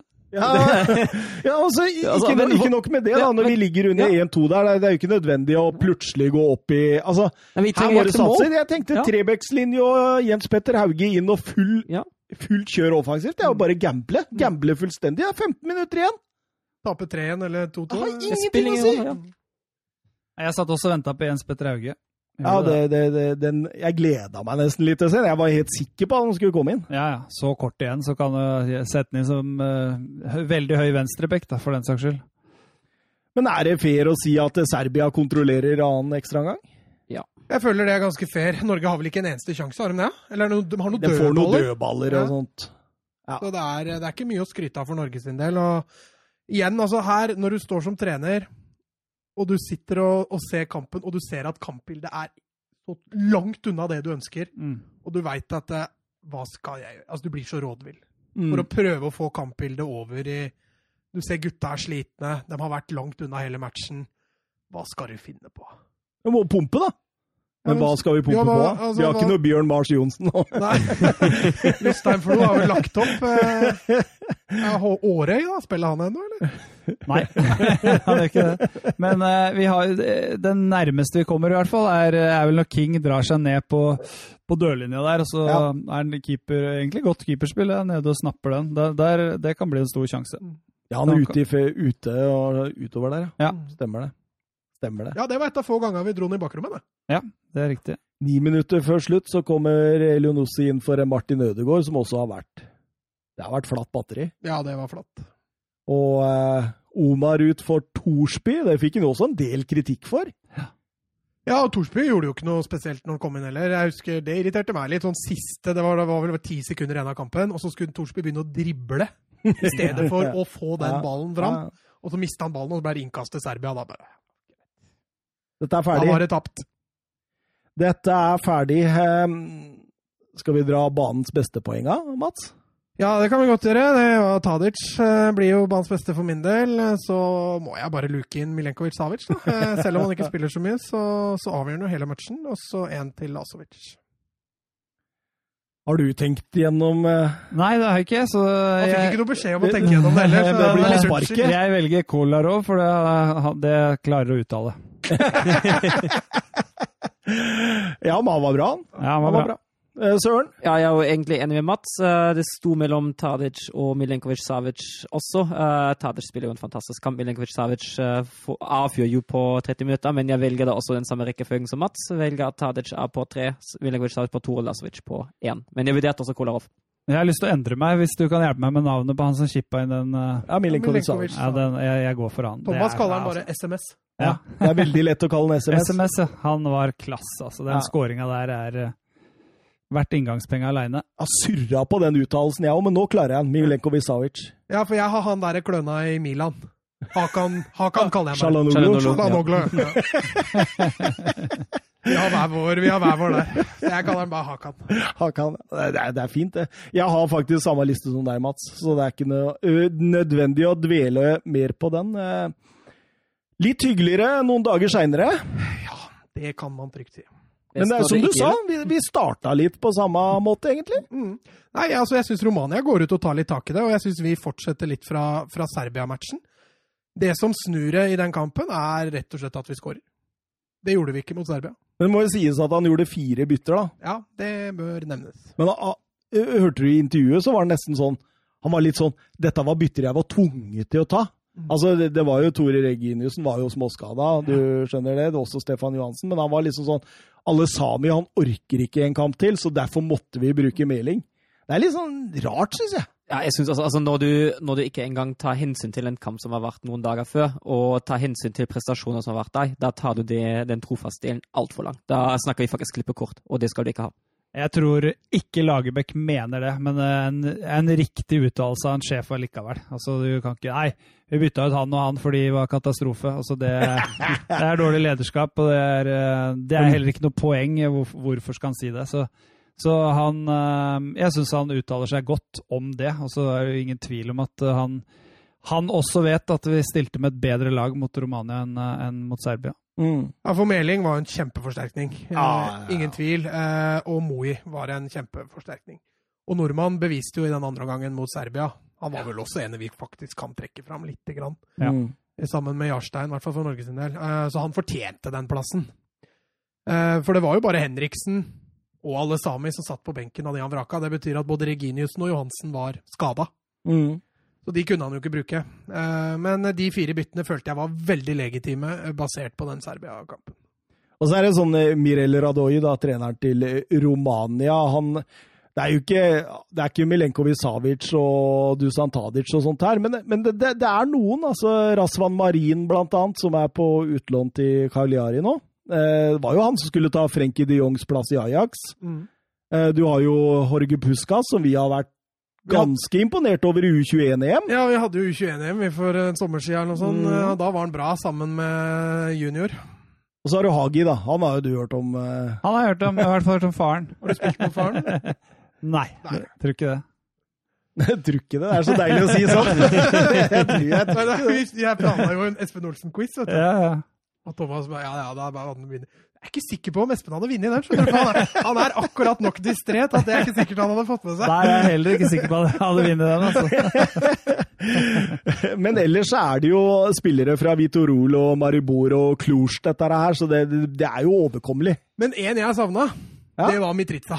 Ja, ja. Husker du trestjerneren vår når vi hadde Romania-Norge Ja. for eh, et par Han kom måneder jo siden? inn. Han kom inn. Mm. Men jeg syns det var rart at han ikke fikk starte, for han var så jækla god mot Norge sist. Syns han var god når han kom inn. Han var det! Mm. Jeg syns han tok taktpinnen veldig bra. Florian Radicoi, spilte han? Det er noen år sia. det var vel i VM i 94 eller noe sånt? da. Jeg tror, eh, Apropos quiz, jeg tror han er den eneste som har spilt i de fem største ligaene i eh, Den tror jeg jeg I faktisk Europa? har hatt på dere, Ja. har jeg ikke det? Var det Raduchoy? Nei, du hadde Nei. en danske. Hadde jeg en danske? Ja, Var det ikke en Paulsen eller en sånn Jo, Christian Paulsen. Christian Paulsen, ja.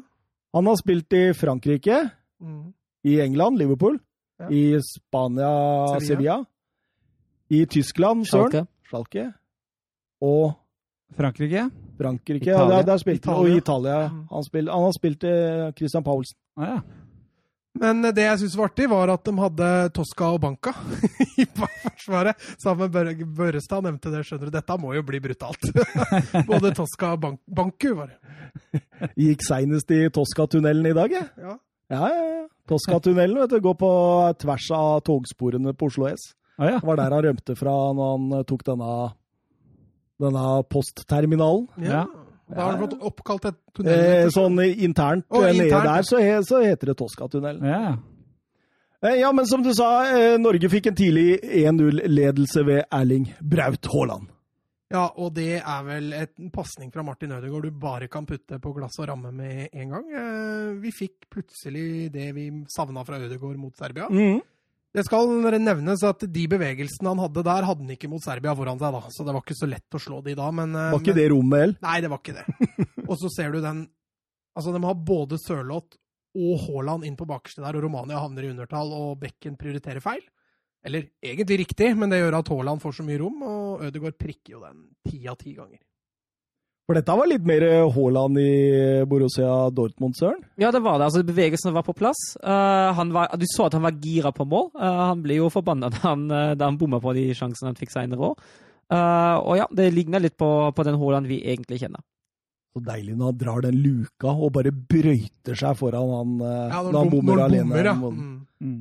Det er prestasjon, eller? Ja, det er, vi, vi, møter jo et bedre lag, men allikevel. Er, jeg var inne på det i stad i forhold til hva som er feil med det norske laget. Det er et eller annet som skjer når det virkelig, virkelig gjelder. Og, det, og mm. dette er en tellende landskamp, ja. Nations League eh, osv. Men er ikke i nærheten av samme presset og rammene rundt den kampen her som Serbia-kampen. Konsekvensene er ikke Nei. på langt nær like store. Nei. Og så plutselig, istedenfor å ha skuldra oppunder øra, så, så, begynner vi å danse og kose oss og, og, ha det moro. Og da er jo klart at vi er, det er mye kvalitet i det norske laget nå. Så da, da er vi gode. Ja, For derfra ut så er det jo full mm. kontroll, egentlig. Ja, hadde det vært Romania i den uh, playoff-kampen der, så ja, Kan hende det hadde blitt omvendt. Kanskje. Hadde det vært Kanskje. For, for du, du hadde det vært Serbia i Nations League, ja, hadde vi slått dem. For Romania kjører jo 4-3-3. Og når vi kjører bekka våre så ekstremt høyt som vi gjør, så blir nesten Romania tvunget en 4-5-1. Og Puskas han ble helt aleine på topp ja. der. De har jo ingenting å komme med. Hvor du ser det også gjenvinningsspillet til Norge. Det er noe helt annet enn mot Serbia. Vi står etter, vi har korte avstander når vi presser høyt. Eh, og de gangene Romania velger å slå langt, så er det som du sier, Puskas er helt aleine hvis han i det hele tatt får tak i ballen.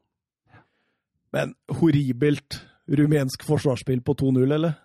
Ja, altså den Meling får jo bare marsjere opp og opp og opp. Og opp. Eh, og så står jo Sørloth helt alene på bakerste. Ja, men det er en god bevegelse òg, altså. Jo, jo, for all del. Sørloth skal men, få for den. Det er kryssbevegelsen med ja, ja, Haaland der. Mm. Men altså, det, er, det er fortsatt ingen som følger med. Nei, det er, det er ingen som følger den, men den Haaland-bevegelsen først der, og så kommer Sørloth inn på blindsida av samtlige rumenere. Helt enig i at det er svakt backspill og forsvarsspill, men eh, smart, god spissbevegelse. Hva i alle dager gjør han høyrebekken helt oppå der uten uh, støtte?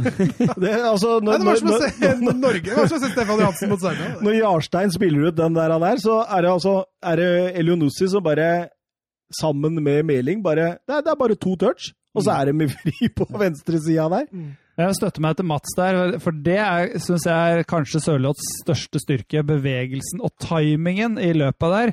For den, er, den timinga er jo alt. og Han timer det løpet helt perfekt, og han går tett opp i ryggen.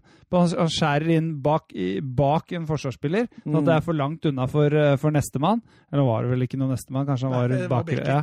Men når du kommer på, på, bak ryggen på bekken der, og i tillegg er litt raskere enn den, det er sjakkmatt som men du, back. Men, men, du ser det rett i forkant der, at uh, Haaland og mm. Sørloth prater. Ja. Hvem går hvor? Ja. Men Du ser det på TV, men de rumenske forsvarsspillerne har ikke sjanse til å se det. de så det ikke. Nei, og den bevegelsen er god, altså. Og de kan ikke norsk heller, de rumenerne. De, de, de skjønte ikke hva de sa. det er mange rumenere som kan norsk, Mats. Ja, men de som var utpå der, ja, tror jeg ikke. Nei, jeg tror ikke. Eh, pause 2-0. Um, Full kontroll, i hvert fall. Ja. Det var, eh, ja, for Jeg satt og så sammen med mine foreldre, og de mutter'n sa det jo altså, Kosa seg? Ja, hun kosa seg. Hun ja. hadde egentlig ikke lyst til å se kampen etter det hun drev med mot Serbia. Men så lenge mutter'n koser seg, så ja, er det bra. Og jeg satt jo bare og håpa hun ville se på, for da, hvis ikke så hadde ikke jeg fått sett på. Ja.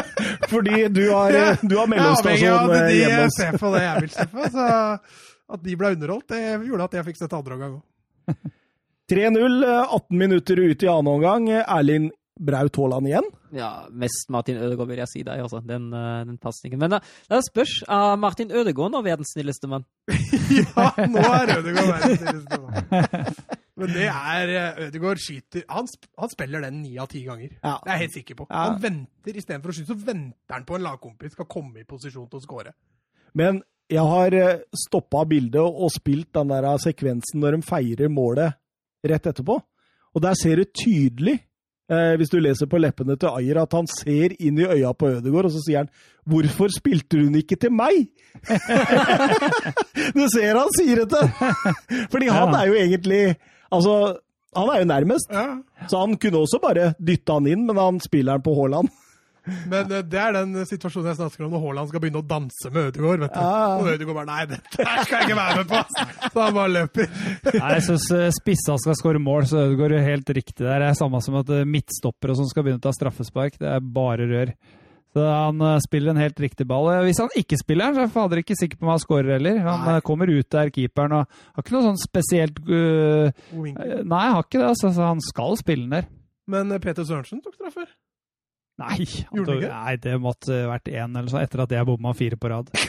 Ja, du gjorde det, altså. Ja, det gjorde jeg. Keeper tok en fast i to av dem. Det Er det Kjetil Rekdal sa? At det er bedre at I tar enn at du bommer? Eller at de scorer enn at du bommer. Ja. De sa det til Erik Hagen eller noe sånt. Der går det rykter om det. Ja, Men er det den der 12-12-straffesparkkonkurransen Ja, ja, jeg mener på Åråsen? ja stemmer det. Oi, oi, oi. Det var, det, da sto jeg på indre bane, holdt jeg på å si. Du sto på indre bane! Hva jeg gjorde der, det kan du lure på. Eh, 4-0. eh, Mats Erling Braut Haaland sitt første hat trick på det norske landslaget. Ja, han gjør noe både Erken Karev eller Solskjær eller Espen Olsen har greid. Det er jo å skåre hat trick. Eh, han har akkurat bomma på en stor sjanse, så han, du så han var litt forbanna. Og den skulle rett og slett bare i mål. altså.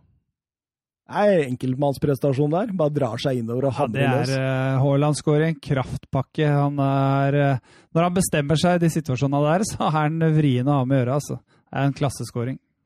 Og Søren da, som hater eh, Haaland, han uh, fikk At han ikke i det hele tatt. Søren, da er han, sånn, han driver og hater alle rundt. Jeg skjønner Hater ikke det. Det er T-skjorta til, til Søren, skjønner du. Jeg hater ingen. snart. Vi skal begynne å produsere dem snart. Hva var? Jeg hadde egentlig rett. Var det Ja, du har egentlig rett. Men det blei jo det ble jo grei, og Jens Petter Hauge fikk sin debut mot slutten. Ja, men han burde jo kommet inn 20 minutter før. Han burde jo kommet inn rett etter 3-0. I- Det har jeg vært inne på før. Det er flere unge spillere som burde fått sjansen mye tidligere i den kampen. Den har jo kjørt etter 3-0. Jeg er helt enig. Mm, jeg òg. Uh, nå spilte jo Mo i en god match, da. Ja. Det er mulig han vegrer seg litt for å bytte den ut etter en god kamp, men vi har en ny landskamp igjen i morgen. Så her er det bare å bruke byttene tidlig, altså. Åssen tror du den går? I morgen? Ja. Eh, jeg tror det blir seier. Eh, litt an på hvordan han prioriterer. Hvis Johansen og alle Sami er tilbake igjen, så kan det bli en knepen ettmålseier. Men eh, hvis han kjører litt offensivt, så blir, bør det bli en 3-4-0 der òg. Tror du Hauge får prøve seg? Usikker etter den landskampen Moe hadde i dag. Nei, på søndag. Ja. Men jeg håper det. Jeg håper Rostedt og Hauge. Det håper jeg. Ikke som stoppere. Nei. det er en av dem som stopper. Det blei jo voldsomt mye gnål eh, om Lagerbäck sin eh, posisjon etter eh, kampen mot Serbia. Vi, vi kjørte en poll på Twitter. Det bør Lagerbäck gå? For jeg, jeg skjønte jo hvordan dette var i sosiale medier. og det er var det 84% som mente han burde gå av? Ja, det var, var 2000 som stemte, var det ikke? Ja, det var, det var voldsomme tall! Men, men, men så, så tenker jeg at det, han tok jo over Norge når vi lå på 80.-plass eller noe sånt nå på Fifa-rankingen her. Det er, det er jo en voldsom Altså, Ja, altså, er det litt unfair mot den, eller? Nei, altså, jeg- Veldig, veldig unfair. Jeg, jeg tenker jo han, er jo han er jo god som stabiliserende. Han er jo brukbar til å stabilisere et lag. Uh, men altså, det er litt sånn som det jeg har vært inne på med, med Bruno Labadia før. Fint å stabilisere og få et lag som har det dårlig, uh, komme, på, komme på rette K igjen. Eh, om han har rett mann til å videreutvikle, det stiller jeg meg litt mer tvilende til. Uh, og så mener jeg også at Lagerbäcks defensive taktikk det fungerer så lenge vi faktisk er såpass dårlige offensivt som vi er. Men nå har vi fått gode offensive spillere, og da mener jeg at den taktikken han bruker nå, det funker ikke lenger. Jeg, jeg syns jo det er blodig urettferdig. Han, eh, han eh, Vi har gjort noen fantastiske landskamper i det siste. altså Vi henger oss voldsomt opp i Serbia-kampen, og jeg er veldig usikker på om det er bare hans feil.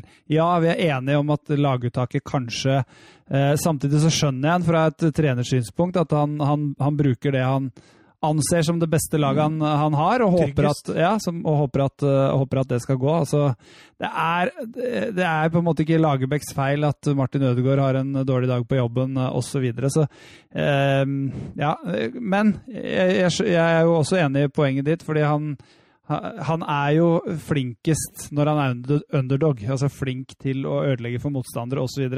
Nå trener han et lag hvor vi har plutselig, nesten, fått, uh, fått verdensstjerner ja, altså, i flere Real offensive. Madrid, Dortmund, AC Milan. Leipzig Sheffield United jeg kan ta med den nå, men, eh, men eh, det er som du sier, vi har plutselig fått et lite offensivt arsenal. da. Ja, vi har det, og da, da er det ikke sikkert at han eh, det, Altså, jeg eh, Han Men- er en fantastisk trener. Han altså. håndterte Zlatan bra i Sverige. Ja da, øh, Ja. men nå har ikke vi i nærheten av å ha noen Zlatan, da. Nei, men jeg tenkte på i forhold til Haaland. Da, og Ja. Ja, ja, men han håndterer stjernene bra, det er jeg helt sikker på. Så, så er det på en måte om, om hvordan Norge skal spille. Da. Altså, jeg, vi, jo- vi ha, altså, Tore Reginussen var jo på dette, er jo PT en av de beste midtstoppere vi har i Ja. landet her. Og det er klart at da kan du ikke Da kan vi ikke spille på Altså, Vi kan ikke drive med frispilling og tjo og hoi med det, med det laget vi, vi har. Altså, Vi kan ikke det. Nei, sant, Men eh, Men uh, jeg også tenker sånn da, i forhold til, uh, forhold til Lagerbäck. Altså, for å ta Jesper Mathisen, han var kanskje en av de mest kritiske etter Serbia-matchen. Han har jo ikke fått et bra resultat mot noen av de største nasjonene vi har møtt. Nei, kanskje ikke. Jeg husker ikke et alle Altså, han ramsa, ja. Jesper Mathisen ramsa opp alle seire han hadde. mm. Det var jo Færøyene og, og Nord-Irland. Og... Mens da tar Sverige uavgjort og tap. Eh, Men der var vi gode, altså. Jo da. Ja, Ja, Men men, da, da, Spesielt borte, ja. men da tenker jeg også at, at, vi, at vi da spiller uavgjort i en hjemmekamp, det skyldes jo i altså Bra inngang for all del, men så roter vi bort en tomålslinje. Så det skyldes også dårlig in game coaching av Lagerbäck igjen. Det samme mot Romania, vi leder 2-0. Eh, at I det øyeblikk vi driver og mister den kampen på hjemmebane, bytter han spiss for spiss istedenfor å ta grep på midtbane og i forsvar. Ja, nå snakker du om kampen i Ja, den, den i EM-kvaliken. Og til syvende og sist koster jo de hjem, to hjemmekampene de koster oss jo EM-plassen. Og så er det klart, Spania skal vi jo slå én av hundre ganger, men vi taper jo begge mot Spania også. Men spiller, Eh, spiller ikke uavgjort på en hjemmekamp mot Spania? Gjorde vi det? Jeg tror det. ja. det, det, det, det, det ja, var da var jo ikke det så gærent, da. Men Nei. vi har jo fortsatt ingen seire mot noen av de største nasjonene med Lagerbäck. Eh, Drillo brukte vel én kamp på å slå Tyskland i comeback ja, det husker jeg, det husker jeg. Hvem var det som scora da? Grindheim.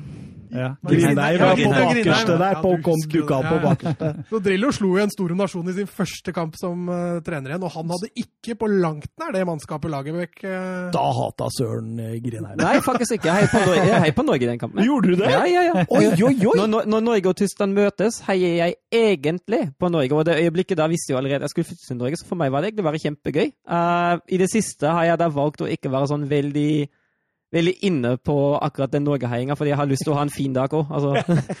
Han hater egentlig Tyskland nå. Ja, men Jogi Løv, det, det, han hater du litt. altså, han må vekk. Eh, noen spørsmål her må vi eh, få til her. Jørgen B. Ready Nystuen, eh, lytterlegenden som han ble kalt her. Eh, han eh, skriver hvis, skråstrek, når Ståle Solbakken tar over landslaget, hvilken formasjon tror Espen han vil kjøre, og hvilke type spillere blir bæ- bærebjelkene i Solbakken-fotball?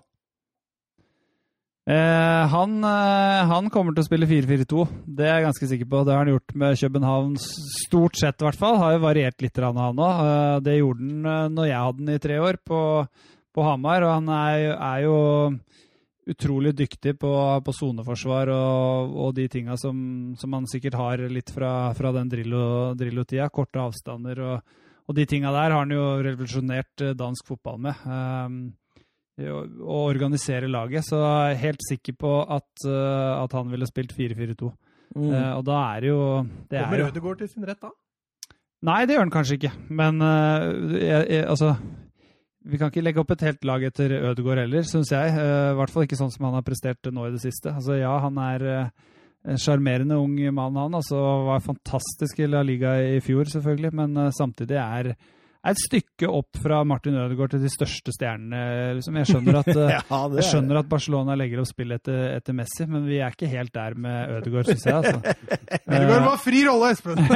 ja, det, ja, kanskje bør han spille bak spissen osv. Jeg er enig i det, men Nei, jeg tror, eh, jeg tror jo de to spissa blir uh, bærebjelkene hans. Han er opptatt av eh, det defensive. og eh, jeg husker jeg leste intervjuet, men han mener jo sjøl at han revolusjonerte norsk fotball ved at eh, han hadde spisser som, eh, som var med i det i defensive organiseringa. Jeg var jo en av de slavene Bare som Olsen Frigård? ja, som løp eh, rundt der. Vi, vi, vi ble gode til det, så vi, vi løp vanvittig mye defensivt. Det var han veldig opptatt av, det vet jeg at han har vært i, i København nå. Altså, i en spiss i Ståle Solbakken sitt lag. Han, han ligger ikke oppe og venter, han. Og han uh, slipper ikke Martin Ødegaard fri defens, for defensiv eh, arbeid osv. Så, videre. så Disiplin der òg. Der er det disiplin som er, uh, som er i høysetet. Det er så deilig, det. Hvem, hvem skal han dra fram på stopperen, da? Vi trenger jo en stopper til, i hvert fall. Ja, Blir ja, Ayer, nei, ja Ayer altså, Ayer, jeg- Mulig at jeg slakta Ayer litt i stad, men eh, altså, det er jo det beste vi har. Ja. Eh, Per nå så er det det beste vi har, men jeg, jeg klarer fortsatt ikke å skjønne hvorfor ikke Rosted får muligheten. Det har jeg nevnt han 20 ganger i dag. Det, Det, det, er spennende å se i ja, morgen, ja, det, det er jo en grunn til at jeg gjør det, for vi er åpenbart nødt til å prøve noe annet. Det er en stopper i Lillestrøm nå som har revolusjonert Lillestrøm defensivt. da. Ok? Espen Himla Espen Garnås, er det han du sikter til? Huff a meg. Vi henta en annen fra Kjelsås til HamKam. Han er bedre. Jesper Toje. Ja, Han har gått rett inn på laget, ser jeg. Ja, han, er, han starta ikke første kampen, men han kom inn og skåra. Så starta han nå sist. Var eh, veldig, veldig god. Men du har vært og titta litt på Kjelsås i siste, eller? Det er mye. Åssen var Ulrik Mathisen, da? Jeg syns Jesper Solli er bedre. han andre midtbanespilleren. Nei da. Uh, Hvor er det han, han gikk til Stabæk? Nei, han er blitt Han, uh, han er igjen i Kjelsås? Ja, ja, jeg tok en telefon til ham og hørte om han ikke ville være i HamKam ut året, men han jobber i barnehage, så han vil ikke det. Nei. uh, så han, heller jobbe i eh, barnehage enn å være på Hamar. Jeg har prøvd å hente han tidligere til okay. Strømmen også. Jeg elsker den spilleren. Jeg syns han er fantastisk eh, med ball og utrolig kreativ og en herlig spiller. Jesper Solli. Nei, nå har han vel blitt en 6-27, tror jeg. Uh, første gang jeg prøvde å hente den, så var han vel 23. Men han vil tydeligvis ikke til Olsen, han altså, Nei. uansett. Så. Men, uh, men uh, Ulrik Mathisen er bra, altså. Veldig bra spiller. Klok spiller, ung eh, spiller for framtida. Han må få på seg noen muskler for, for å bli helt eh, topp, eh, topp, tror jeg. Men eh, helt klart potensiell eliteseriespiller. Spennende. Mm. Geir Halvor Kleiva på eh, Twitter. eh, han er litt inne på dette med formasjon. Han skriver bør man spille både Haaland og Sørloth, fra start i 4-4-2, med Ødegård, King, Moi eller Hauge på kantene? Eller er det bedre med en 4-2-3-1, rullere litt hvem som spiller på topp, og da få Ødegård i sin favorittposisjon? Det var litt det dere var inne på i stad. Jeg tror at hvis du skal få maks ut av Ødegaard, så må du få han vekk fra kanten. Mm. Eh, han løper mye, så han skal ikke, det er ikke sånn at han, han frasier seg det defensive. Men jeg føler jo det at Ødegaard, kreativiteten til Ødegaard blir litt bremsa, da. Eh, for du ser med en gang han får frigjort seg i mellomrommet, du ser assisten han har til Haaland. Jeg tror vi hadde fått maks ut av han, eh, han eh, i den eh, rollen bak spissen, men som du nevner, da, så skal du bygge opp laget etter en Ødegård Ødegaard. Det, det er vel det store spørsmålet. Ja, han, han eh, Ødegaard kan jo altså, spille, som, spille som Molde gjorde under Solskjær, med ekstremt tydelige innoverkanter veldig tidlig. Så, bli, så har du egentlig to tiere da, Ja. eh, bak eh, to spisser, og så, og så kommer Beckham. Men nå skal det sies at Molde alltid møtte lag dem som var svakere enn seg sjøl, så det er sikkert lettere å gjøre det da. men det er jo det er ikke noe dum idé å ha, altså å kunne sette inn på en frisk Sørloth eller en frisk Haaland. Nå bruker vi jo begge fra start, og etter, etter 70, 75, 80 Begge spiller jo fast på klubblagene sine, så det er klart at det blir mye på dem. Det er, det er ikke noe dum tanke, det, syns jeg. Å ha, Da har vi jo King i bakhånd nå, da. ja, Han går til altså- Westham nå, vet du. Ja, Ser sånn ut. ja gjør det, ja. Mm.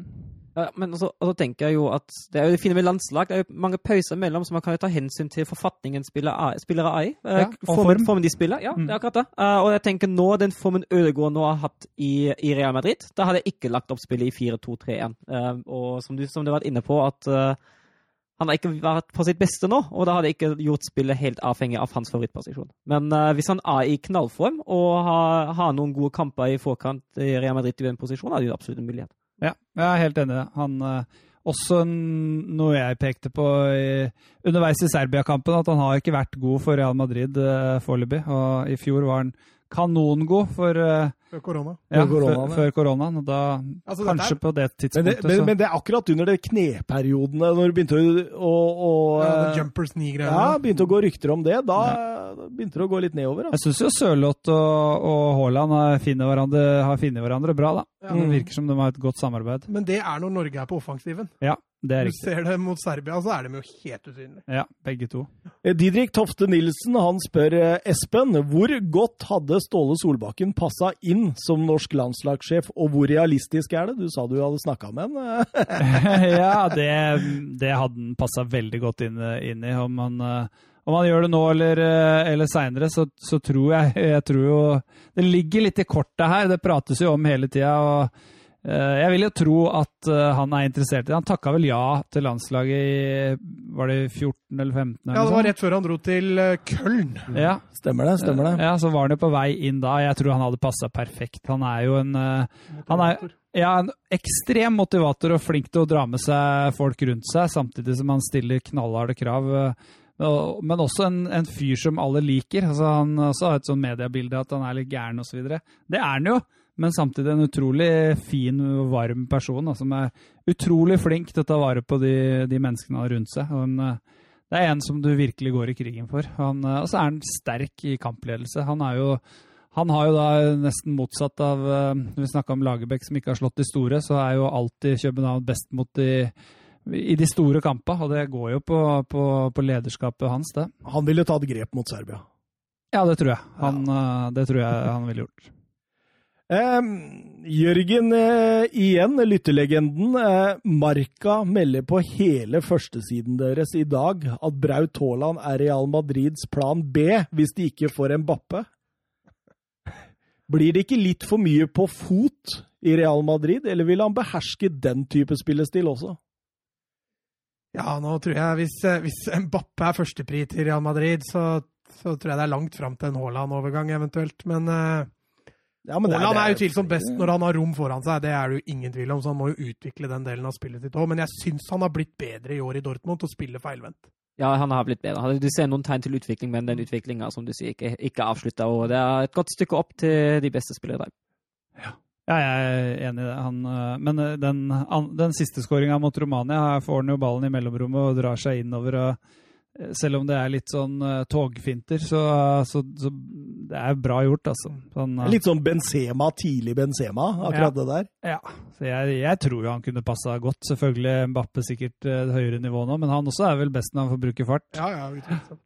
Hørte Paul Scholes var ute i dag og sa at, Han, eh, han er på nivå med Messi og Ronaldo ja, hvis han at, fortsetter utviklingen. utviklinga. at han kunne bli på det nivået. Tror du noe på det? eller? Han blir vel aldri, aldri samme spillertypen, tror jeg, men øh, det er jo helt vilt det han driver med om dagen, altså, og som han har gjort etter uh, i Tyskland. Det er jo helt spinnvilt. Tyskland og på landslaget, alt han tar i om dagen. Det, han, han går på en, uh, på en sky, og jeg klarer heller ikke å se at det plutselig skal stoppe, for han, er, han har et øh, ekstremt tilstedeværelse når han spiller fotball, som er, som, som er litt sjelden vare, altså. Jeg hørte den i en podkast her for ikke så lenge siden. Jeg syntes det var deilig. De spurte han eh, hvilke spisser i verden er bedre enn deg.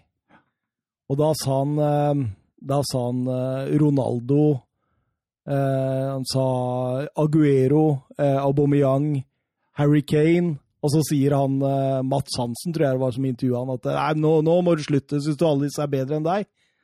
Ja, ja, han gjorde det for, i, i forhold til hva de hadde, hadde oppnådd.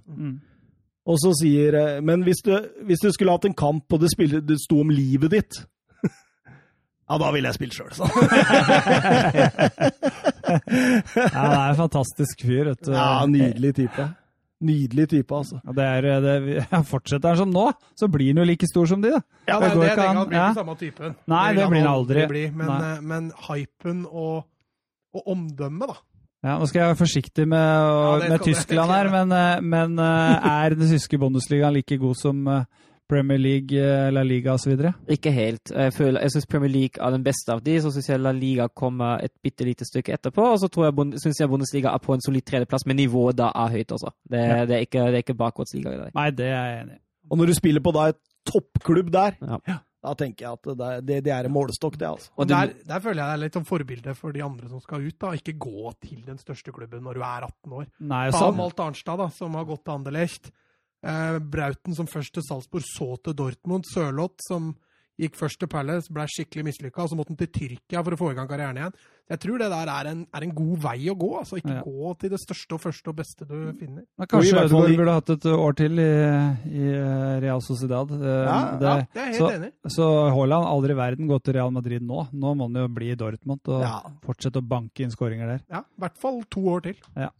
Tenk han kunne gått til Manchester United, da. Og blitt most der av Solskjær. Ikke bare av Solskjær. Altså, Sako i Palace hadde jo most eh, Haaland. Ja, altså At han Pogba, Pogba joggende rundt eh, bak seg, hadde ikke, det går ikke. det. Det er ikke mye bakgrunnsballer å jobbe med i United. Altså. Nei. Sandra HJ spør på Twitter har Norge Europas beste angrepsduo, eller finnes det land med bedre angrepsduo enn Sørloth og Haaland? Og, og den hadde du bitt deg merke i, Mats. Ja, for jeg, er, jeg, jeg kan faktisk si meg enig. ja, men på et premiss, eller? Ja, det er jo et premiss. Ja. Fordi alle de andre store nasjonene spiller med én spiss.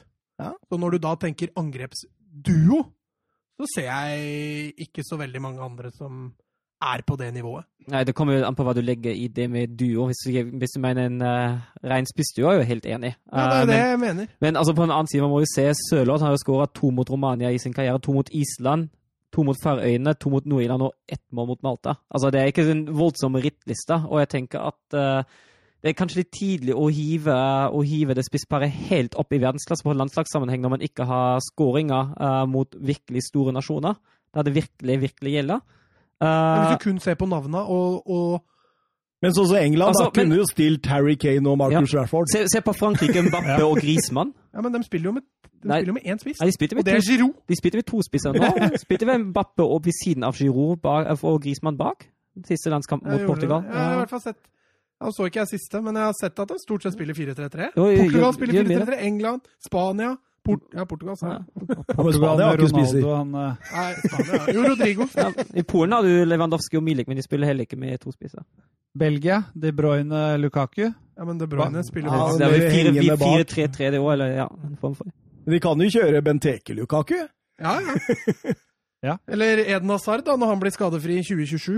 Ja, det, er Men altså, er forferdelige greier, det der. Men altså, jeg, jeg liker, jeg liker Sørloth som spillertype, men da er det også igjen uh, Han har jo ikke vist noe i en stor liga ennå. Ja, han har banka inn masse i Tyrkia, men han har mislykka i Premier League. Og nå er han på vei til å prøve seg igjen i Tyskland. Jeg syns man må avvente litt der, altså. Jo, men Vi kan vel si det sånn at uh, i og med at vi er de eneste som spiller med en spissduo, så er vi det beste i Europa. Nei, i Sverige. Vi var inne hos Sverige. Ja, Sverige gjør det, vet du. Alexander Isak og Markus Berg. Ja, den vinner vi faktisk. Den vinner vi, vinner er vi enig. Ganske soleklart. da. Island òg spiller vel med to spisser. Bødvarsson og Ja, Jeg vet ikke. jo, han, Ajax, han som var i Ajax. Siktorsson Ja, ja, ja. Nei, det, det nå vinner vi. og Smarason. Men, men hvis andre lag hadde spilt en duo på topp, så er det, så er det faktisk bedre angrepsduoer i verden. Da hadde vi vært langt bak. Ja, faktisk. Uh, du ser jo for eksempel i England, da. Dominic Calvert-Lewin som bare dominerer Premier League, liksom. Det, han er en, et stykke foran Sørloth. Ja, så går han jo inn på det landslaget og skåra jo nesten. Det første Ja. han gjorde, var jo å skåre. Ja. Danny Ings som har 22 mål i Premier League, liksom. I fjor. Ja, Bare i fjor. bare i fjor. Ja, ganske mange flere sånn Ja, all over. og Vardy har jo takka nei til landslaget, så Ja, nei, det, det, det, det, det er et lite stykke bak, men ja, eh, rett på en måte. Um, vi hadde vel også et som Det, det gleda jeg meg veldig til. Um, Petter Støvland. Eh, Dere fikk velge én spiller i verden som skiftet til norsk statsborgerskap og blei med Norge i VM-kvaliken. Hvem er deres valg? Altså, da, da tenker han eh, i forhold til behov. altså, Eh, hvor, styrker vi, ja. hvor trenger vi å styrke laget? Ja, ja, ja, altså med hvilken spiller. Eh, alle sin mening. Vi vil ha én spiller fra hver av oss, og så står det 'takk for en super podkast'. Det var hyggelig. Bare hyggelig. Skal du begynne, eller så, så avslutter vi med meg rundt bordet her? Ja, det kan vi godt. Eh, Jeg ville jo gått for eh, eh, jeg ville gått for stopperen, tror jeg, ved siden av Ayer. Tror jeg det er viktigst. Eh, Venstrebekken er ikke så krise hvis Meling fortsetter. eh, Eller så er det kanskje ved siden av Berge sentralt som det brenner mest. Men eh, van Dijk eh, peker seg jo kjempemye ut, i hvert fall. eh, Ved siden av Ayer. Det tror jeg hadde gjort, jeg tror jeg hadde gjort underverker. Begynner å le når du sier det. Hva med en De det ved siden av? Og så fått inn en De Bruyne ved siden av Berge der, og så kanskje en Andy Robertson, for der har vi vært i mål. Men er det van Dijk, eller? Ja, Jeg lander nok på, på van Dijk. Det brenner helt klart mest eh, ved siden av. Altså. Espen? Ja, jeg syns ikke det brenner så mye sentralt etter det nordmann har vist eh, i det siste. Um, og Sander Berge er jo klasse, så det er jo på midtstopperplass. Det er ikke noe tvil om at uh, så Hvis du velger én spiller, så kan du ikke velge en uh, ny høyreback, liksom. Eller venstreback. Det blir jo en sentral eller uh, en sentral midt eller midtstopper. Kanskje en keeper, da, men uh, det er utrolig vanskelig å komme utenom van Dijk. Altså. Jeg kunne valgt ganske mange midtstoppere som, som hadde gått inn og forsterka Norge. Eh, mange hundre midtstoppere. Jonathan mange hundre! Jonathan. Ja, så, men eh, van Dijk er den beste, så jeg hadde plukka han jeg òg, hvis det er lov å plukke den samme. Hadde Phil Jones forsterka Norge? Ja. og det sier litt. Den kom fort! Ja, da er enig. Da fins det flere hundre, faktisk. Søren? Jeg ender jo på opp for van Dijk jeg òg. Jeg vurderte også De Bruyne, eh, men kom fram til at hans beste posisjon han spil, altså, synes han er best som en indreløper i en 4-3-3, og det spiller vi jo ikke. Eh, og så tenkte jeg også på Joshua Kimmich, uh, på grunn av at han er jo en fantastisk god sentral midtbanespiller. Og så er han så fleksibel, og han kan jo spille høyrebekk, han kan spille til og med midtstopper. Han kan jo brukes overalt. Jeg har ikke lyst til å svekke Tyskland heller, så da blir det Da blir det, da blir det ja, han må melde overgang, ja! Han kan ikke spille begge. Nei, nei, okay. Da mister Nederland sin stopper, ja. Jeg velger Harry Maguire. Er han en av de? Han er faktisk ikke på den uh, lista over de 100.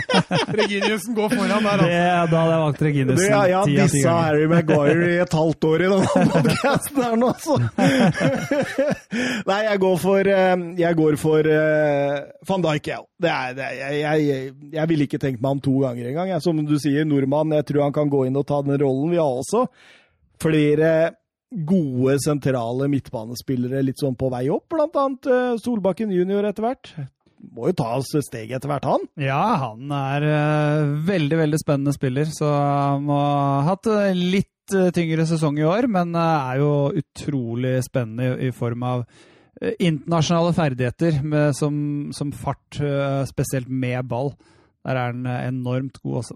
Kunne passa med Berge òg, eller spillestilen? Ja, definitivt. Det kunne han absolutt gjort. Han, nå bruker vi ham som en balanserende midtbanespiller, og han, uh, han tar steg defensivt hele tida, som på en måte har vært litt sånn ankepunktet mot den, da, at han har, ikke har tatt det siste steget uh, helt opp. Men uh, han kunne jo fint ha spilt i Eliteserien nå, det er ingen tvil om. Han hadde gått inn på, på de aller fleste lag, tror jeg, i, eh, i Eliteserien. Også Lillestrøm. Hadde han gått til Fugla hvis Fugla ikke hadde rykka ned? Du prøvde å få han over til Fugla forrige gang. Nei, nei, jeg tror eh, han er en oppegående fyr, han. Han, eh, han eh, har en veldig, veldig sentral rolle hos oss, og en viktig rolle. Og jeg tror at eh, jeg tror at han går den dagen han vet at han kan gå til en klubb og få en viktig rolle. For det, å gå inn som en Altså, gå inn og slåss med Matthew om den sentrale før den sesongen her, tror jeg var fornuftig å kanskje ikke gjøre.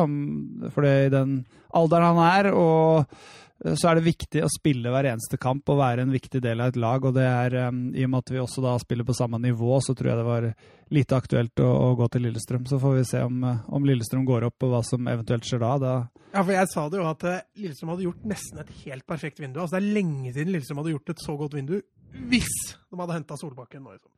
ja, altså Det vinduet Lillestrøm har hatt nå, det er jo egentlig et spinner. Vi må tilbake igjen til Robert Koren og sånn for å finne sist Lillestrøm var så aktive. Men det mangla Markus Solbakken, følte jeg. Hadde de fått inn han, Men hva er det som skjer med Bjørn Bergman? da? skada. Ryggen. Han har begynt å trene igjen nå. hørte jeg. Ja, okay. Ja, der, der, der er jeg litt sånn Jeg er helt enig. Lillestrøm har henta mye mye spennende, spennende spillere og henta en nødvendig forsterkning på, på stoppeplass. Uh, henta no, mye spennende unge spillere med bra fart. Men, uh, og Bjørn Bergman, som jo blir lansert som den største signeringa. Ja, han har jo spilt én kamp. Ja, ja. ja Så- han fikk et innhopp. Ja, og da skåra han jo. Da var jeg der på, mot Kongsvinger. Så han, uh, men han eh, Han må på banen først. Ja, det er faktisk helt riktig. Ja. De henta en ny islending nå, da. Har du noe kjennskap til Haraldsson, eller? Nei, ingenting. Og så var det en fra Kvikkhalden, var det det? Ja, Norge. men han kommer ikke før eh, Det er et kjempetalent. ja, det er det, ja. Uranik. Ja. Og så henta de eh, fetteren, da. Til Ja, mye, til, om- til, mye, til Braut, ja. mye omtalte Brauten. Han har, vært, han har vært kjempespennende lenge. Han har jeg sett litt, men eh, først i år han har begynt å bøtte inn skåringer. Han har vel ja, jeg skjønte han hadde skåra sju av de tolv måla mot de to desiderte båndlagene. Ja, det, det er riktig, men allikevel, du må skåre mål. Men den største talent, fettertalentet til Haaland, det er jo Tjåland. Hva er det du sier nå?! Ja, du ler, du! Ja, ja, det, han heter faktisk det. Han heter Braut Tjåland. Er det ikke Al Albert Braut Kjole? Jo, riktig. riktig. Tuller dere nå?! Nei, Nei? spiller på Bryne. Han har bare hentet til HamKam. Ja, det, Hadde ikke hørt om en duell, du. Nei, nei jeg, det går i surr med alle disse Brautene. ja, jeg, jeg trodde det bare var fleip. Ja, jeg trodde det, jeg òg. Nei da, jeg har hørt om han, altså. Jeg har hørt om han, men Men jeg eh, veit ikke om det er det største talentet. Altså. Jeg tok en råsjanse der. Ja. Jeg har ikke sett han spille. Altså. Jeg har ikke visst så mye ennå. Tjåland. Um, apropos folk som har vært på banen, nå skal vi over til den lille Vi skal lage et lite lag, vi igjen. Ja, vi driver jo med dette 4-4-2-helvetet vårt. Ja, vi må ha dem inn i 4-4-2. Ja, Sette opp en slags tidenes landslag fra 90-tallet til i dag. Ja, for vi kunne ikke begynne med Jørgen Juve og Tom Lund og sånt, men uh... Nei, for det husker jeg, sa jo det, jeg husker jo ingenting før 90. Nei, du gjør ikke det, nei. Da var jeg fem år gammel. Kniksen og sånt. Det er vel sikkert spillere som hadde vært der hvis eh, vi hadde vært 100 år, Mm. kanskje? Jeg veit ikke. Hvem er den største gjennom tidene? Tom Lund, eller? Husker du Tom Lund? Eh, Nei, jeg husker ikke Tom Lund, men uh... Og Nixon også. Nei, Kniksen. Kniksen. Nixon. eh, Nixon er, Richard, er Richard. Nixon. Ja, Richard Kniksen. Hva heter Kniksen? Roald Roald eh, Kniksen Amund Nei. Nei. Nei, Roald Kniksen Jensen. Ja. Å, den satt langt inne! Da- Davy Vatne var stolt av deg nå når du rodde den delen. Det hadde vært flaut hvis du var helt stille her nå. Søren tenker hva driver han med? Nei, norsk fotballhistorie er nok ikke min største styrke. Han sitter i Viasat-studio, Søren.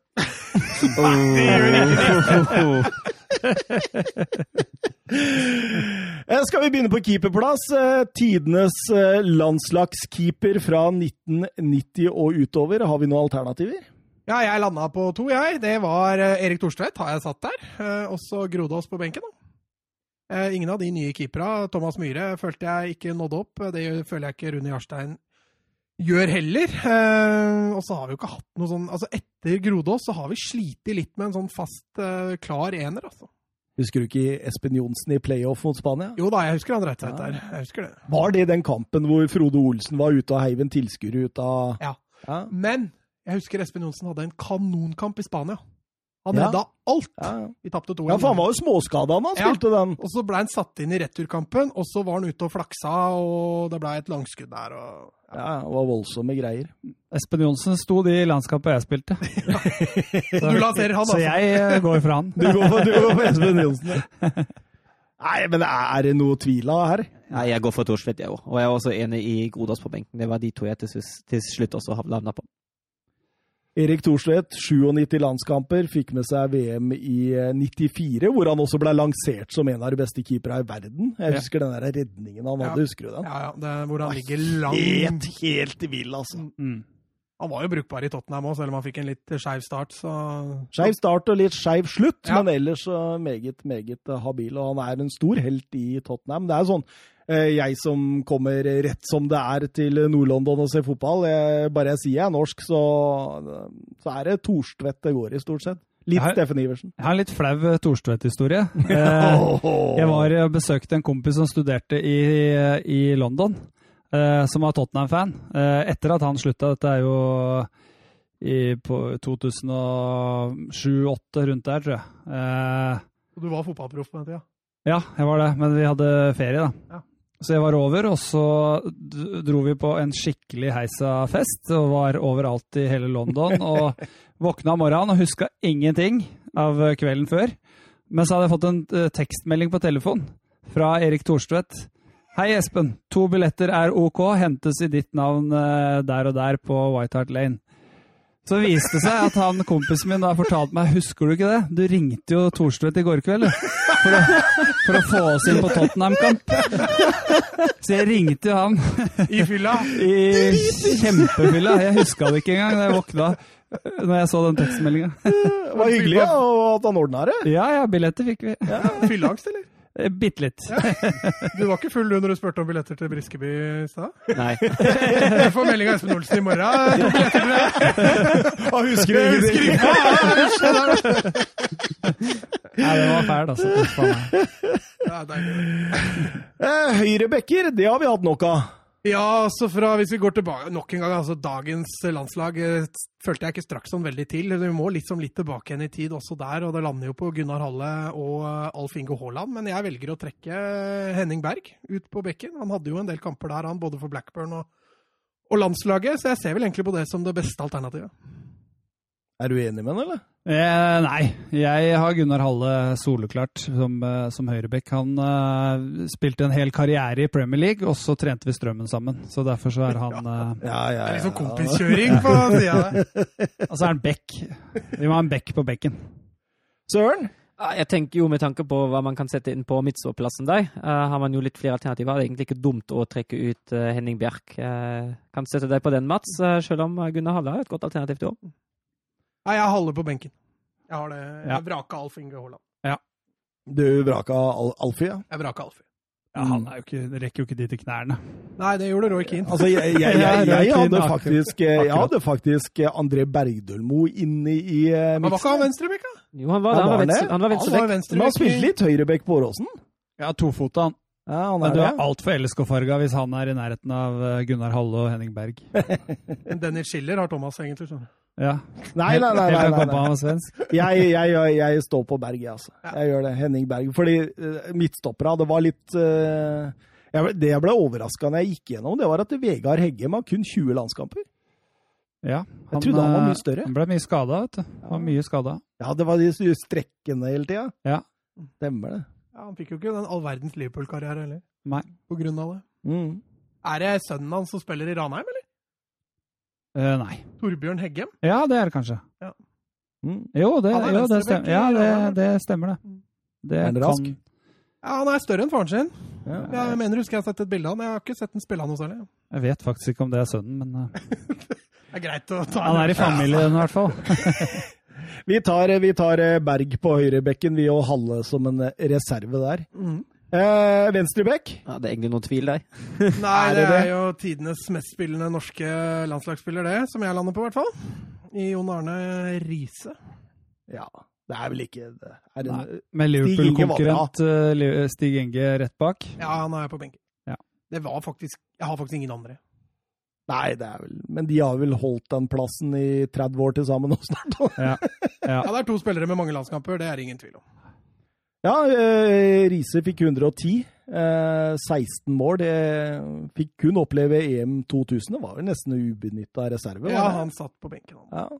Det var Mens, eh, Bjørneby som serverte Iversen på eh, eneste skåringa Norge hadde, vel, i det mesterskapet? Ja, ja, det var det, ja. Ja, Bjørneby serverte ja Nei, det var Thomas Myhre! Ja, det var det jeg Thomas tenkte. Det var det, jeg hadde i hodet, skjønner du. Ja. Jeg kan på noe sånn Jon Arne Riise-smeller òg, vet du. Fordi han, eh, han eh, daglig lederen vår heter Jon Anders Riise. Ja, men han er Så- tidligere spiller. Ja, og, Ja, og og hun eh, Siri på iPhone hun klarer ikke alltid å oppfatte det. Så det hender jeg ringer Jon Arne Riise rett som det er. Ja, For du har nummeret altså? Ja da. Ja, okay, okay. Og da lurer jeg på om jeg har trenerjobb til noe, hva, ja, hva som skjer nå, siden jeg ringer han hele tiden. Men nå Hva skylder du på da? etter hvert nå så har han skjønt at det er lommeringing. Kan ikke stole på Siri. altså. Nei. Du må du være forsiktig med. Ja. Han driver jo og trener ned i Tønsberg, er det det? Ja. Uh, er det ikke FK Tønsberg han her? Jo, det er vel kanskje det. For det er, Nei. Nei, Eik er det. Eik? Ja. ja Eik Ah, ok. Tønsberg. Og så Ja. Ronny Johnsen Flint, eller noe sånt. Ja, stemmer det. Stemmer det. Eller er han FK Tønsberg? Han har en klubb der nede, han òg. Dette, dette er ditt felt, Søren. Ja, jeg vet jo at eh, Jeg, har ikke, jeg må, jo, må jo på de Tønsberg-klubb nå, det har jeg ikke vært ennå. Men jeg vet jo, altså det med, de med at Riise trener Eik, var for, vet jeg fordi han var så fremtredende i mediene. eh, med tanke på breddefot, med at han var veldig, veldig sur. Ja, stoppeplassa. Ja, der også hadde jeg tre valg. Jeg har eh, Brede Hangeland på benken. Å, på, lander- du har den på benken? Jeg landa den på benken. oi, oi. oi. Jeg lander på Ronny Johnsen og eh, Rune Bratseth. Ja, Jeg har eh, Rune Bratseth, men jeg vil ha med, jeg vil ha med Hangeland. Han, eh, jeg syns betydninga hans da, på det norske landslaget altså, Han var en leder. Han var en si, veldig sterk leder, og var mye bedre enn en de andre i form av autoriteten han hadde osv. Så, videre. så jeg syns impacten han hadde på laget, var mye, mye større. mm. Men han fikk jo ikke oppleve noe mesterskap, da. Nei, det gjorde han ikke. Det var ikke hans feil. Nei, det var det ikke, altså. Søren? Jeg er enig med, med Espen. Uh, altså, Jeg syns Bratseth er selvskreven, Uh, og så har jeg gått for Hangeland her istedenfor Johnsen. Altså Hvis Ronny Johnsen hadde hatt et par sesonger i Bundesliga, så hadde han vært selvskreven òg. Da. Men du, Lundekvam er en som har skåret med kølla? Ja, og Norges 2000 landslagsmål gjorde Ja, ja. han med kølla. Jeg husker det. Mm. Eller var det 1000? Eh, det var 1000, tror jeg. Ja, ok. Ja, ja. Men, uh, Men det, ikke det, det, det, det han- bør jo være Han når ikke noen av disse til kølla, så Nei, jeg har eh, Hangeland og Bratseth. Jeg er helt uh, enig med Så setter Ronny Johnsen ut, da. Ja, jeg gjør det. For jeg, jeg, synes, jeg er litt enig med Espen her. At den impacten uh, Hangeland hadde jeg, jeg tror landslagsfotballen Hvis du ser de I den perioden isolert sett, da. Mm. Jeg vil sette Ronny Johnsen inn i rollen til Hangeland. Det hadde aldri gått. Nei, nei, men Ronny Johnsen var veldig god, for, for han var rask. Mm. Han hadde gode spillere rundt seg. Masse gode spillere rundt seg. Hadde Altså- Jumpers 9, han òg? Ja, ja. Han, han spilte jo Champions League-finalen. Ja. Med Det var ikke et godt United-lag, altså. Hadde Henning Berg ved siden av seg, vel? Nei, ikke i finalen. Nei, Stam? Uh, nei, han hadde Gary Pallister Nei da. Hvem er det han hadde ved siden av seg igjen, da? Det Phil Er i 99 nå, eller? Ja. Nei, ikke Phil Jones.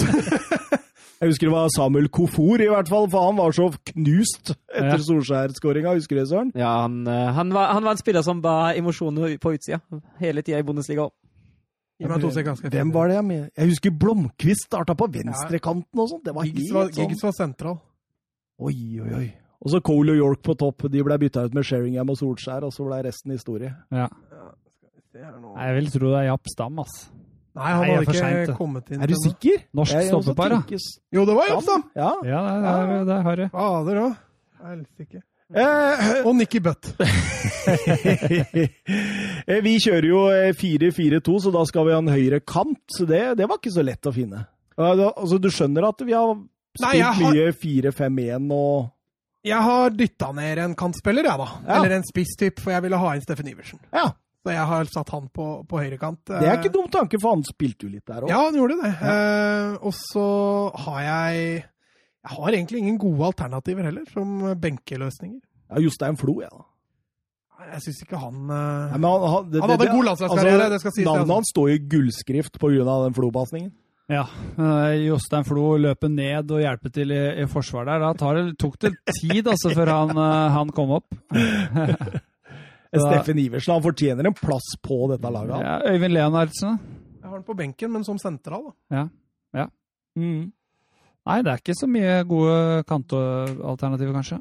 Nei, Jeg vurderte, jeg vurderte egentlig å dytte Mykland ut på høyre midtbane. Han har spilt litt der òg, men jeg syns Mats' forslag er mye bedre, for det løser også et problem som vi har på spissplassen. Så jeg, jeg støtter meg. Det der, der er blasfemi på Sørlandet, å dytte Mykland ut på kant. Altså. Si det til en sørlending, da. Eh, Nå, nå blir du hata på hele Sørlandet, Da blir du hata.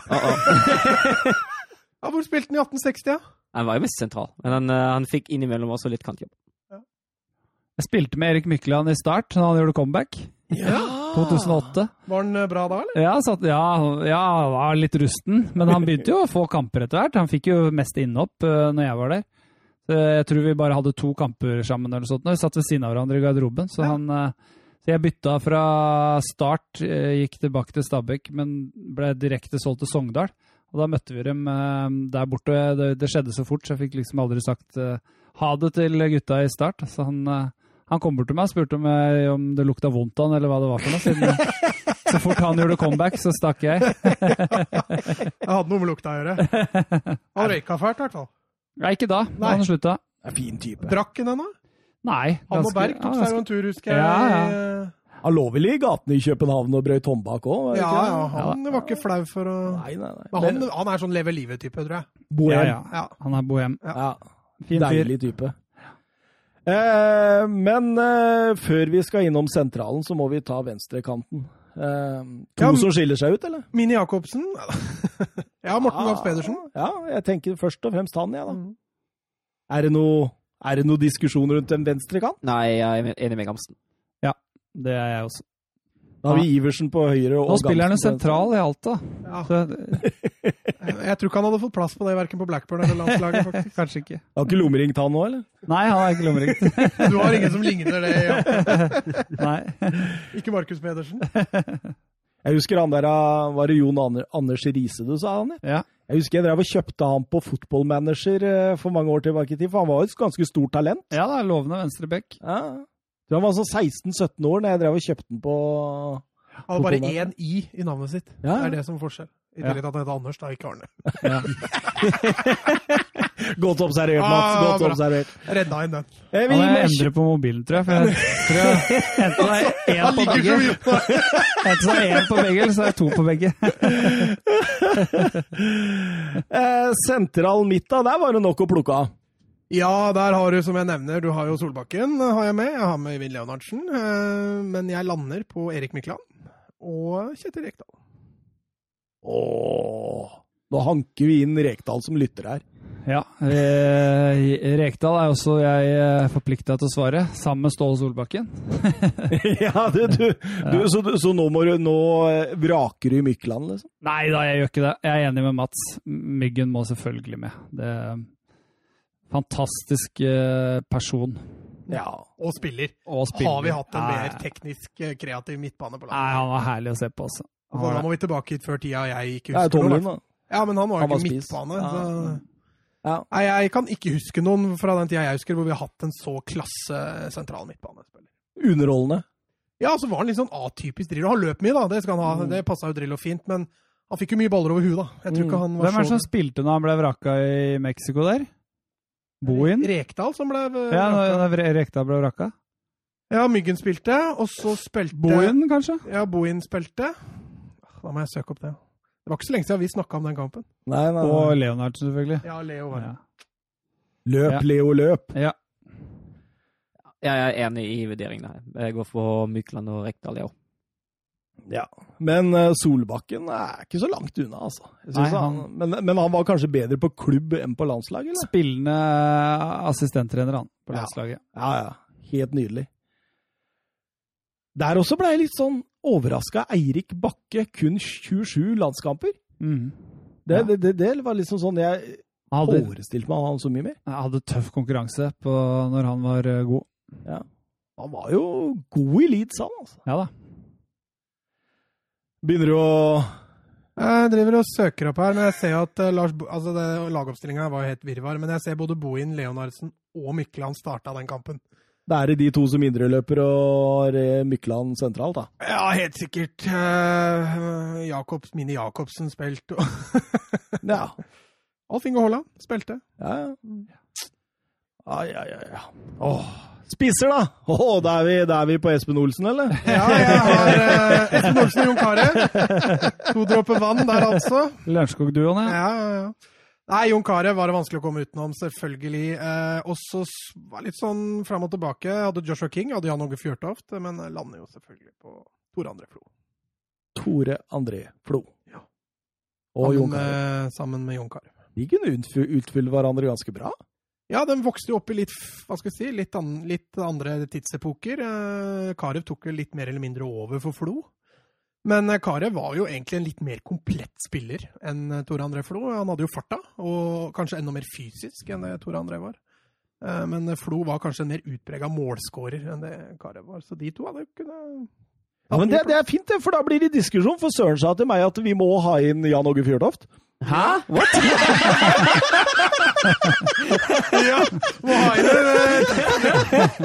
Jeg er så glad i Jan Åge Fjørtoft. Ja. Han er jo en legende i Frankfurt, da. var det vi har sett. Var det ikke en haug av sånne tyskere som kom og så Stabæk-kampene da han spilte for Stabæk? Ja, og det, det, har jo, det har jo veldig mye å gjøre. Altså, han, var, han, han redda jo Frankfurt med en avgjørende skåring mot Kaiserslautern i 1999, og så hadde han så morsomme sitater òg. Altså, type, ble spurt om han ville ha sex før spill, før kampen, og så sa han nei, det gidder jeg ikke, jeg har del rom i Bashiro Salou og, og sånne ting. Da. Så han hadde jo Hva sa du for noe deler? rom i Bashiro Salou. Det var jo en annen og en annen spiller. Ja. Hva er det Deler du trodde rommet han sa nå? Med bæsj og lo? Ja.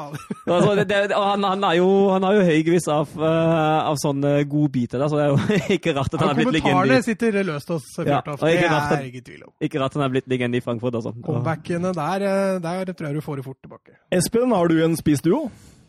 Jeg støtter meg på Mats. Uh, har spilt med begge. Tor André Flo spilte med i Sogndal. Han eh, gjorde comeback der i 2011. Var det vel han uh, gjorde comeback der. Og Kari var jo noen sånne kretslagskamper sammen med. Og vi, Er du like gammel som han? ja, så vi gikk på skole sammen. Så jeg var, uh, var besøkt den i Lyon sammen med en annen. Ja, så vi var der nede en tur. Det var, eh, det var stor stas, det. Han hadde ordna og styra for oss, han. Så når han gikk og la seg, så gikk vi videre ut. og Og så han gikk og la seg? ja, han hadde kamp dagen etter. Oh, ja, Vi dro jo ned for å se kamp, så vi var ute og spiste. Så fikk jeg og Peter Ed, som jeg var der nede sammen med, vi eh, hadde, han hadde ordna inngang på noen sånn fasjonable steder. Så vi, vi satt på sånne bord med sjampanjer og kjetting, og så eh, hang det jenter rundt. Så, oh, ja, du gjorde det, ja. Ja, ja, Så Det var um, Det var hyggelig. Det var veldig hyggelig. Andreas har jeg spilt med, vet du. ja, ja, ja. Men, men, men den der lista over Hvis, hvis Espen har blitt spurt tidligere i programmet her da, om uh, hvilke gode spillere du har spilt med, så ville den vært mye lenger. ja, da hadde jeg For nå begynner det å komme mange her. Ja, ja. Eh, Men det, jeg tror det Zoomen Choi spilte jeg med i Stabæk. Han ble jo ganske Ah, bra bra i er. Premier League etter hvert.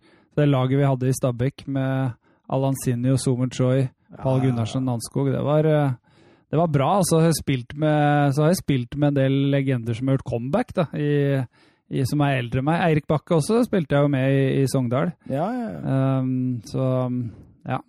Det har vært mange. Denne merittlista der er litt større enn min, for å si det sånn. Ja. I hvert fall min. Skryter fortsatt av Jarstein og Espen Hoff, liksom. ja. Ja, Geir Frigård kan nevnes. Har jo, har jo en karriere, han òg. Han scora mot Juventus og osv. Ja, Så du lanserer han på Han har vel fem landskamper eller noe sånt? Ja, det er utrolig irriterende å jobbe sammen.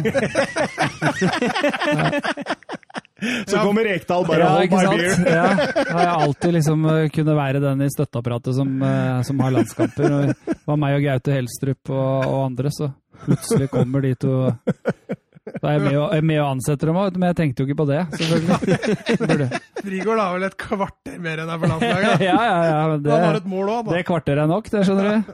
Han har skåret Ja, det har han. Søren, eh, har du noen Ja, jeg, jeg, altså, jeg er helt enig i Karef og Floa. Altså. Det er ikke noe med å tilføye. Tenk det, at nå har vi gått gjennom hele bordet her utenom meg, og så er det ingen som har nevnt Ole Gunnar Solskjær. Tenk det. Ja, det er svakt. Men Altså, allikevel så vil jeg ikke dytte den inn. nei, jeg, jeg, jeg vurderte den, men jeg hadde ikke tatt den inn heller. Altså, Nei, I altså- landslagssammenheng, så Altså, han har, eh, han har eh, like mange mål som Tor André Flo på færre landskamper. Han har ett mål mindre enn Jon Carew på atskillig færre landskamper. Ja. Men han var liksom bare en sånn put and score-typ. da. Han hadde det geniale målet mot Aserbajdsjan. da. Ja, ja, den der halvvolleyen. Men allikevel så føler jeg liksom at det Flo har gjort, det har my satt mye større merke. mot Brasil i en Ja, avgjørende ja. kamp i VM. Ja. Og du har også det Karev har gjort, altså det forarbeidet jeg husker han gjorde på golden til Huseklepp mot Portugal. Ja. Hvor han bare kaster seg inn og dreper keeperen til Portugal, og Huseklepp får åpent mål. Mm. Eh, sånne ting gjør jo ikke Solskjær. Han er sånn put and take, eh, take and put-skåringer. Mm. Jeg føler liksom de to har satt mye mer merke da, på landslagshistorien enn det Solskjær har gjort. Gøran Sørloth i kvalifiseringa til VM i 94. For en uh, kvalifisering han gjorde! ja, han gjorde jo det, men uh, Senka Nederland på Ullevål der, og Ja. verdens beste spiss uh, med ryggen til mål, var det ikke det han ble kalt? jo, Jo, vi hadde mye sånne, vi, Drillo. Han var verdens beste uten ball, verdens beste med ryggen til mål. Vi hadde mye sånne, som en, vi hadde jo ingen Zlatan. Og så la vi Sørloth opp la vi, Han la vel opp på landslaget etter VM 94. Han gjorde vel det? Ja, Så da er det bare fire år i bedømmelsestidsrommet, så det blir litt Men kort. eh, jeg er helt enig med dere. Det er, jeg falt på de, jeg også. Jeg bare prøver å spille djevelens advokat her. For å skape litt forum. Nå var vi faktisk igjennom program. Ja, så deilig. Vi brukte vel bare to timer òg. Ja da, som vanlig. Ja. Ja, ja. Så Rekdal får gått mange turer rundt med hunden i løpet av en sånn eh, episode. Men det var hyggelig. ja, veldig hyggelig. Det er ikke nødvendig å oppta tiden mer. Eh, Vi møtes vel sikkert til neste uke igjen med en haug av kamper fra Obos-ligaen. ja, Kanskje vi skal følge Vi får lage en ny podkast. Men vi pleier alltid å småsnakke litt om Lillestrøm først. Ja, ja, Vi, vi vi, kan jo drasse inn eh, HamKam der òg. reklamere litt for Reklamere litt for eh, Briskebybanden. Ja, det syns jeg. Og da er vel du på kamp òg, antagelig? Ja, gjerne det. Ja, da, da får du masse sånne bilder hit på Twitter òg, for han tar jo sånn eh, åtte bilder per eh, Per minutt. som han legger ut. Du, er- du, den der groundhoppinga di, den eh, imponerer meg. Altså, jeg har ikke kjangs til å ha den tiden, jeg. Nei, men du har unger, da. Ja. Det er vel det. Hjelper å være litt mer uavhengig, det stemmer det. Sitter han og koser seg. Ja, vel, veldig. Nei! Takk for at du kom, Espen. Jo, hyggelig. Takk for at jeg fikk være med. Håper du kommer til en ny landskamp en gang òg. Det gjør jeg. Nydelig, Og nydelig. når vi starter ny Obos-podkast, så er du, da blir du fast pana panal. Ja, da, Panel. da er jeg noe i nærheten av ekspert, tror Ja, jeg. Ja, ja, ja. Når Søren tar andre- og tredjedivisjon, ja, så ja, ja. Norsk førstediv og breddefotball. Heter vel Post Nord og sånn, da. Ja, ja. Ja, så så hva heter det? Norsk- Norsk Tipping. Åh, fæle, fæle greier. Nei, vi uh, høres. Vi høres. Ha det. Ha det.